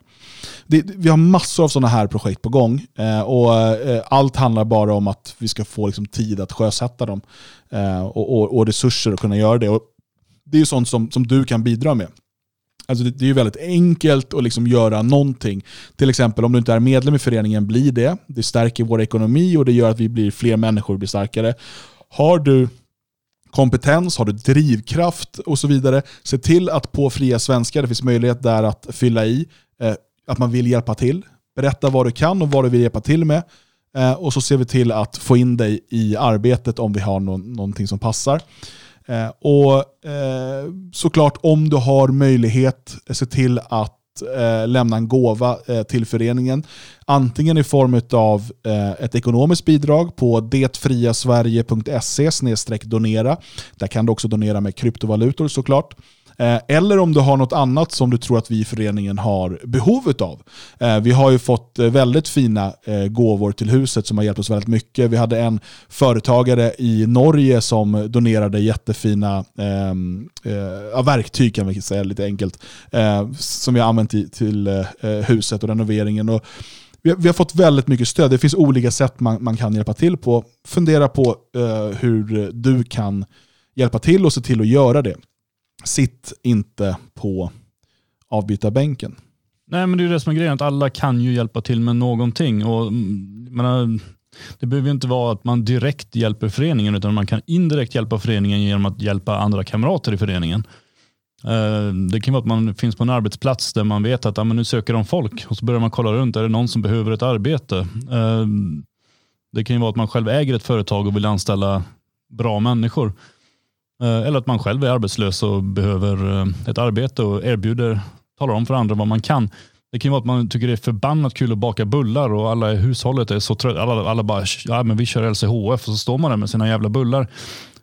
Bara hör av sig och säger att men finns det fler som bor här i Örkelljunga som vill äta bullar så kom hit. Och så mm, sprider man en enorm bullglädje.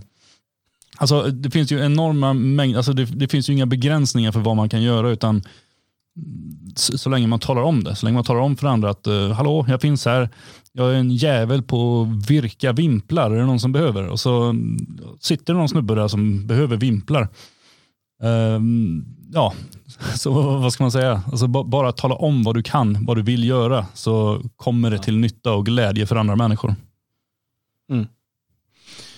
Absolut. Ehm, och det an, alltså en, en, en sista sak, vad vi kan göra och liksom jag har en roll att spela här och du har en annan Björn och, och du som tittar och lyssnar har en annan. Men det är också att inse vår roll som folkbildare. Och Vi har länge tagit på oss den rollen när det gäller eh, ideologi och, och, och politisk teori och så vidare i tusentals artiklar och poddar och så vidare. Men jag ser också att vi har en viktig roll som folkbildare eh, när det gäller det fria nätet. När det gäller kryptovalutor, när det gäller det decentraliserade nätet, när det gäller yttrandefrihetsvänliga tjänster och så vidare. För att alla de här eh, lösningarna är bara kraftfulla om tillräckligt många använder dem. Eh, så om du redan idag är införstådd med hur kryptovalutor fungerar, hur man eh, köper eller minar sina första, hur man nu vill göra, eh, och hur man sen handlar med dem, så lär en vän. Lär din mamma. din mamma. det, det, alltså, du, du, har, eh, du har ett uppdrag där att liksom sprida den här kunskapen. Har du vänner som, eh, som använder sociala medier, berätta om Gab. Berätta om yttrandefriheten som, som är möjlig där. Att man inte behöver vara rädd för att Nej, men det som jag postar nu då kommer jag, få, det kommer jag bli suckad i 30 dagar. Eller i värsta fall borttagen helt. Berätta för dem om alternativen. Och ju mer du lär dig, se till att sprida den här kunskapen vidare. Jag hoppas ju Eh, att många hundra, kanske tusen av våra medlemmar kommer ta del av den här utbildningen som jag kommer hålla när det gäller kryptovalutor, när det gäller blockkedjan, när det gäller det, det decentraliserade nätet. Och jag hoppas att åtminstone 10% av dem sen berättar vidare för sina vänner hur de ska göra. Då har jag åtminstone satt någon typ av snöboll i rullning och förhoppningsvis kan det göra att fler får upp eh, ögonen för, för att det redan idag finns lösningar för hur vi ska kunna ha ett fritt internet. Sen fortsätter vi våra räder in och Björn kommer stå i ett hörn och skrika att det fa- faktiskt finns svenskar och det, det är viktigt. Mm. Hörn här i huset och hoppas att någon går förbi utanför. Eh, jo, nej, men det, det, absolut. Allt sånt där är jätteviktigt och jag får väl medge någonstans att jag är, mm, har valt att vara alldeles för okunnig på det. Men jag ska gå din kurs när den kommer och eh, förhoppningsvis bli en av dem som eh, tjatar på andra sen. Eh, Ehm, steg för steg helt enkelt. Ehm, nu på torsdag, då är det medlemskväll för dig som är medlem i föreningen Det Fria Sverige. Du måste förhandsregistrera dig för att delta.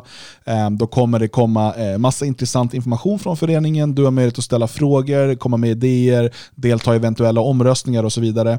Det här sker ju då eh, digitalt. Vi kan inte träffas som vanligt just nu. Så in på friasvenskar.se och i vänsterspalten, alternativt under evenemang, så har du digital medlemskväll. Se till att registrera dig och delta i eh, medlemskvällen på torsdag. För dig som eh, vill höra massa intressanta diskussioner, analyser och kommentarer så har du tur. För att Radio Svegot finns även denna vecka. Helt otroligt. En vecka till kör vi. Eh, och förhoppningsvis ännu mer efter det. Det är så att redan imorgon bitti så sänder Björn, den här killen som är med här, eh, och Ludvig Delin, eh, Sverige vaknar. Och det gör ni nu tisdag, onsdag, torsdag. Antar att du inte vet någonting vad ni ska prata om än, eller? Uh, ja, det blir väl imorgon så blir det väl lite grann uh, vidare om uh, det vi har pratat om idag. Det är den stora nedstängningen som vi ska väl löta lite mera. Så här, för det, det, det finns mycket att säga kring det där. Och, Eh, jag fattar ju att när, när, du sitter och säger att eh, ja, han Björn där, han, han ska vara med i, imorgon så drar inte det så mycket publik för jag är väldigt förvirrad här idag efter polisbesöket och sen um, lite kast internet här också. Ludvig kommer stå mitt emot mig så vi kommer prata med varandra så att um, jag kommer höra allt han säger i realtid. Uh, så jag tror det kommer bli bra uh, imorgon och dagen därpå och dagen efter det. Ja, nej men så det, det är ju då tisdag, onsdag, torsdag. Sen har vi ju eh, imorgon kväll så eh, kommer eh, Jalle Horn eh, att eh, köra sitt program på gamla och nya stigar. Som jag hade, premiäravsnittet var fantastiskt intressant. Och jag har nu lyssnat på det avsnitt som kommer imorgon kväll. Ehm, och det är minst lika intressant. Eh, Han gör det tillsammans med eh, Robin Holmgren. Eh, Och det är sådana ämnen som jag tänker så här, ska det här, kommer det här intressera mig? Och sen så bara sugs jag in i det. Eh, och de ska alltså prata då, jag ska läsa här från beskrivningen.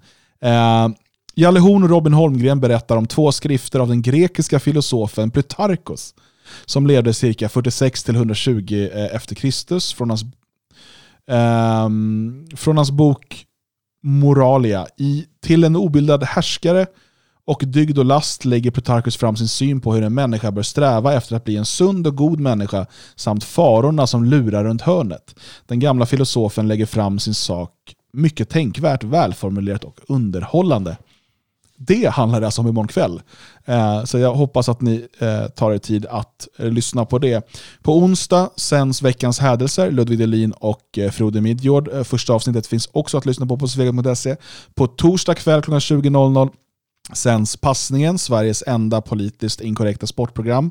Och på fredag så är det dags för Fredagstinget, eh, där eh, avsnittet i fredags gjorde stor succé och har fått eh, fin kritik. Så har du inte lyssnat på det, gå in på svego.se och eh, scrolla ner till Fredagstinget eh, och, och lyssna på det i efterhand och så var med nu på fredag. Vi ska passa på här att öppna den här kistan, eh, men först ska jag fylla på den lite. Eh, vi vi eh, bjuder gärna tillbaka här till våra lyssnare på D-Live. Eh, ni som inte kollar på D-Live, ni fattar ingenting just nu. Men nu börjar en nedräkning här på 30 sekunder innan 534 citroner ska delas ut till er som har varit aktiva i chatten och så vidare. Även trollen kan få ta del av citronerna. Det, det är det fina med det här.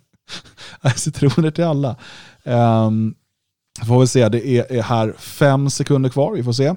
Spännande. Uh, jag tror att, uh, ja, verkligen. Har du, oj, ska vi se.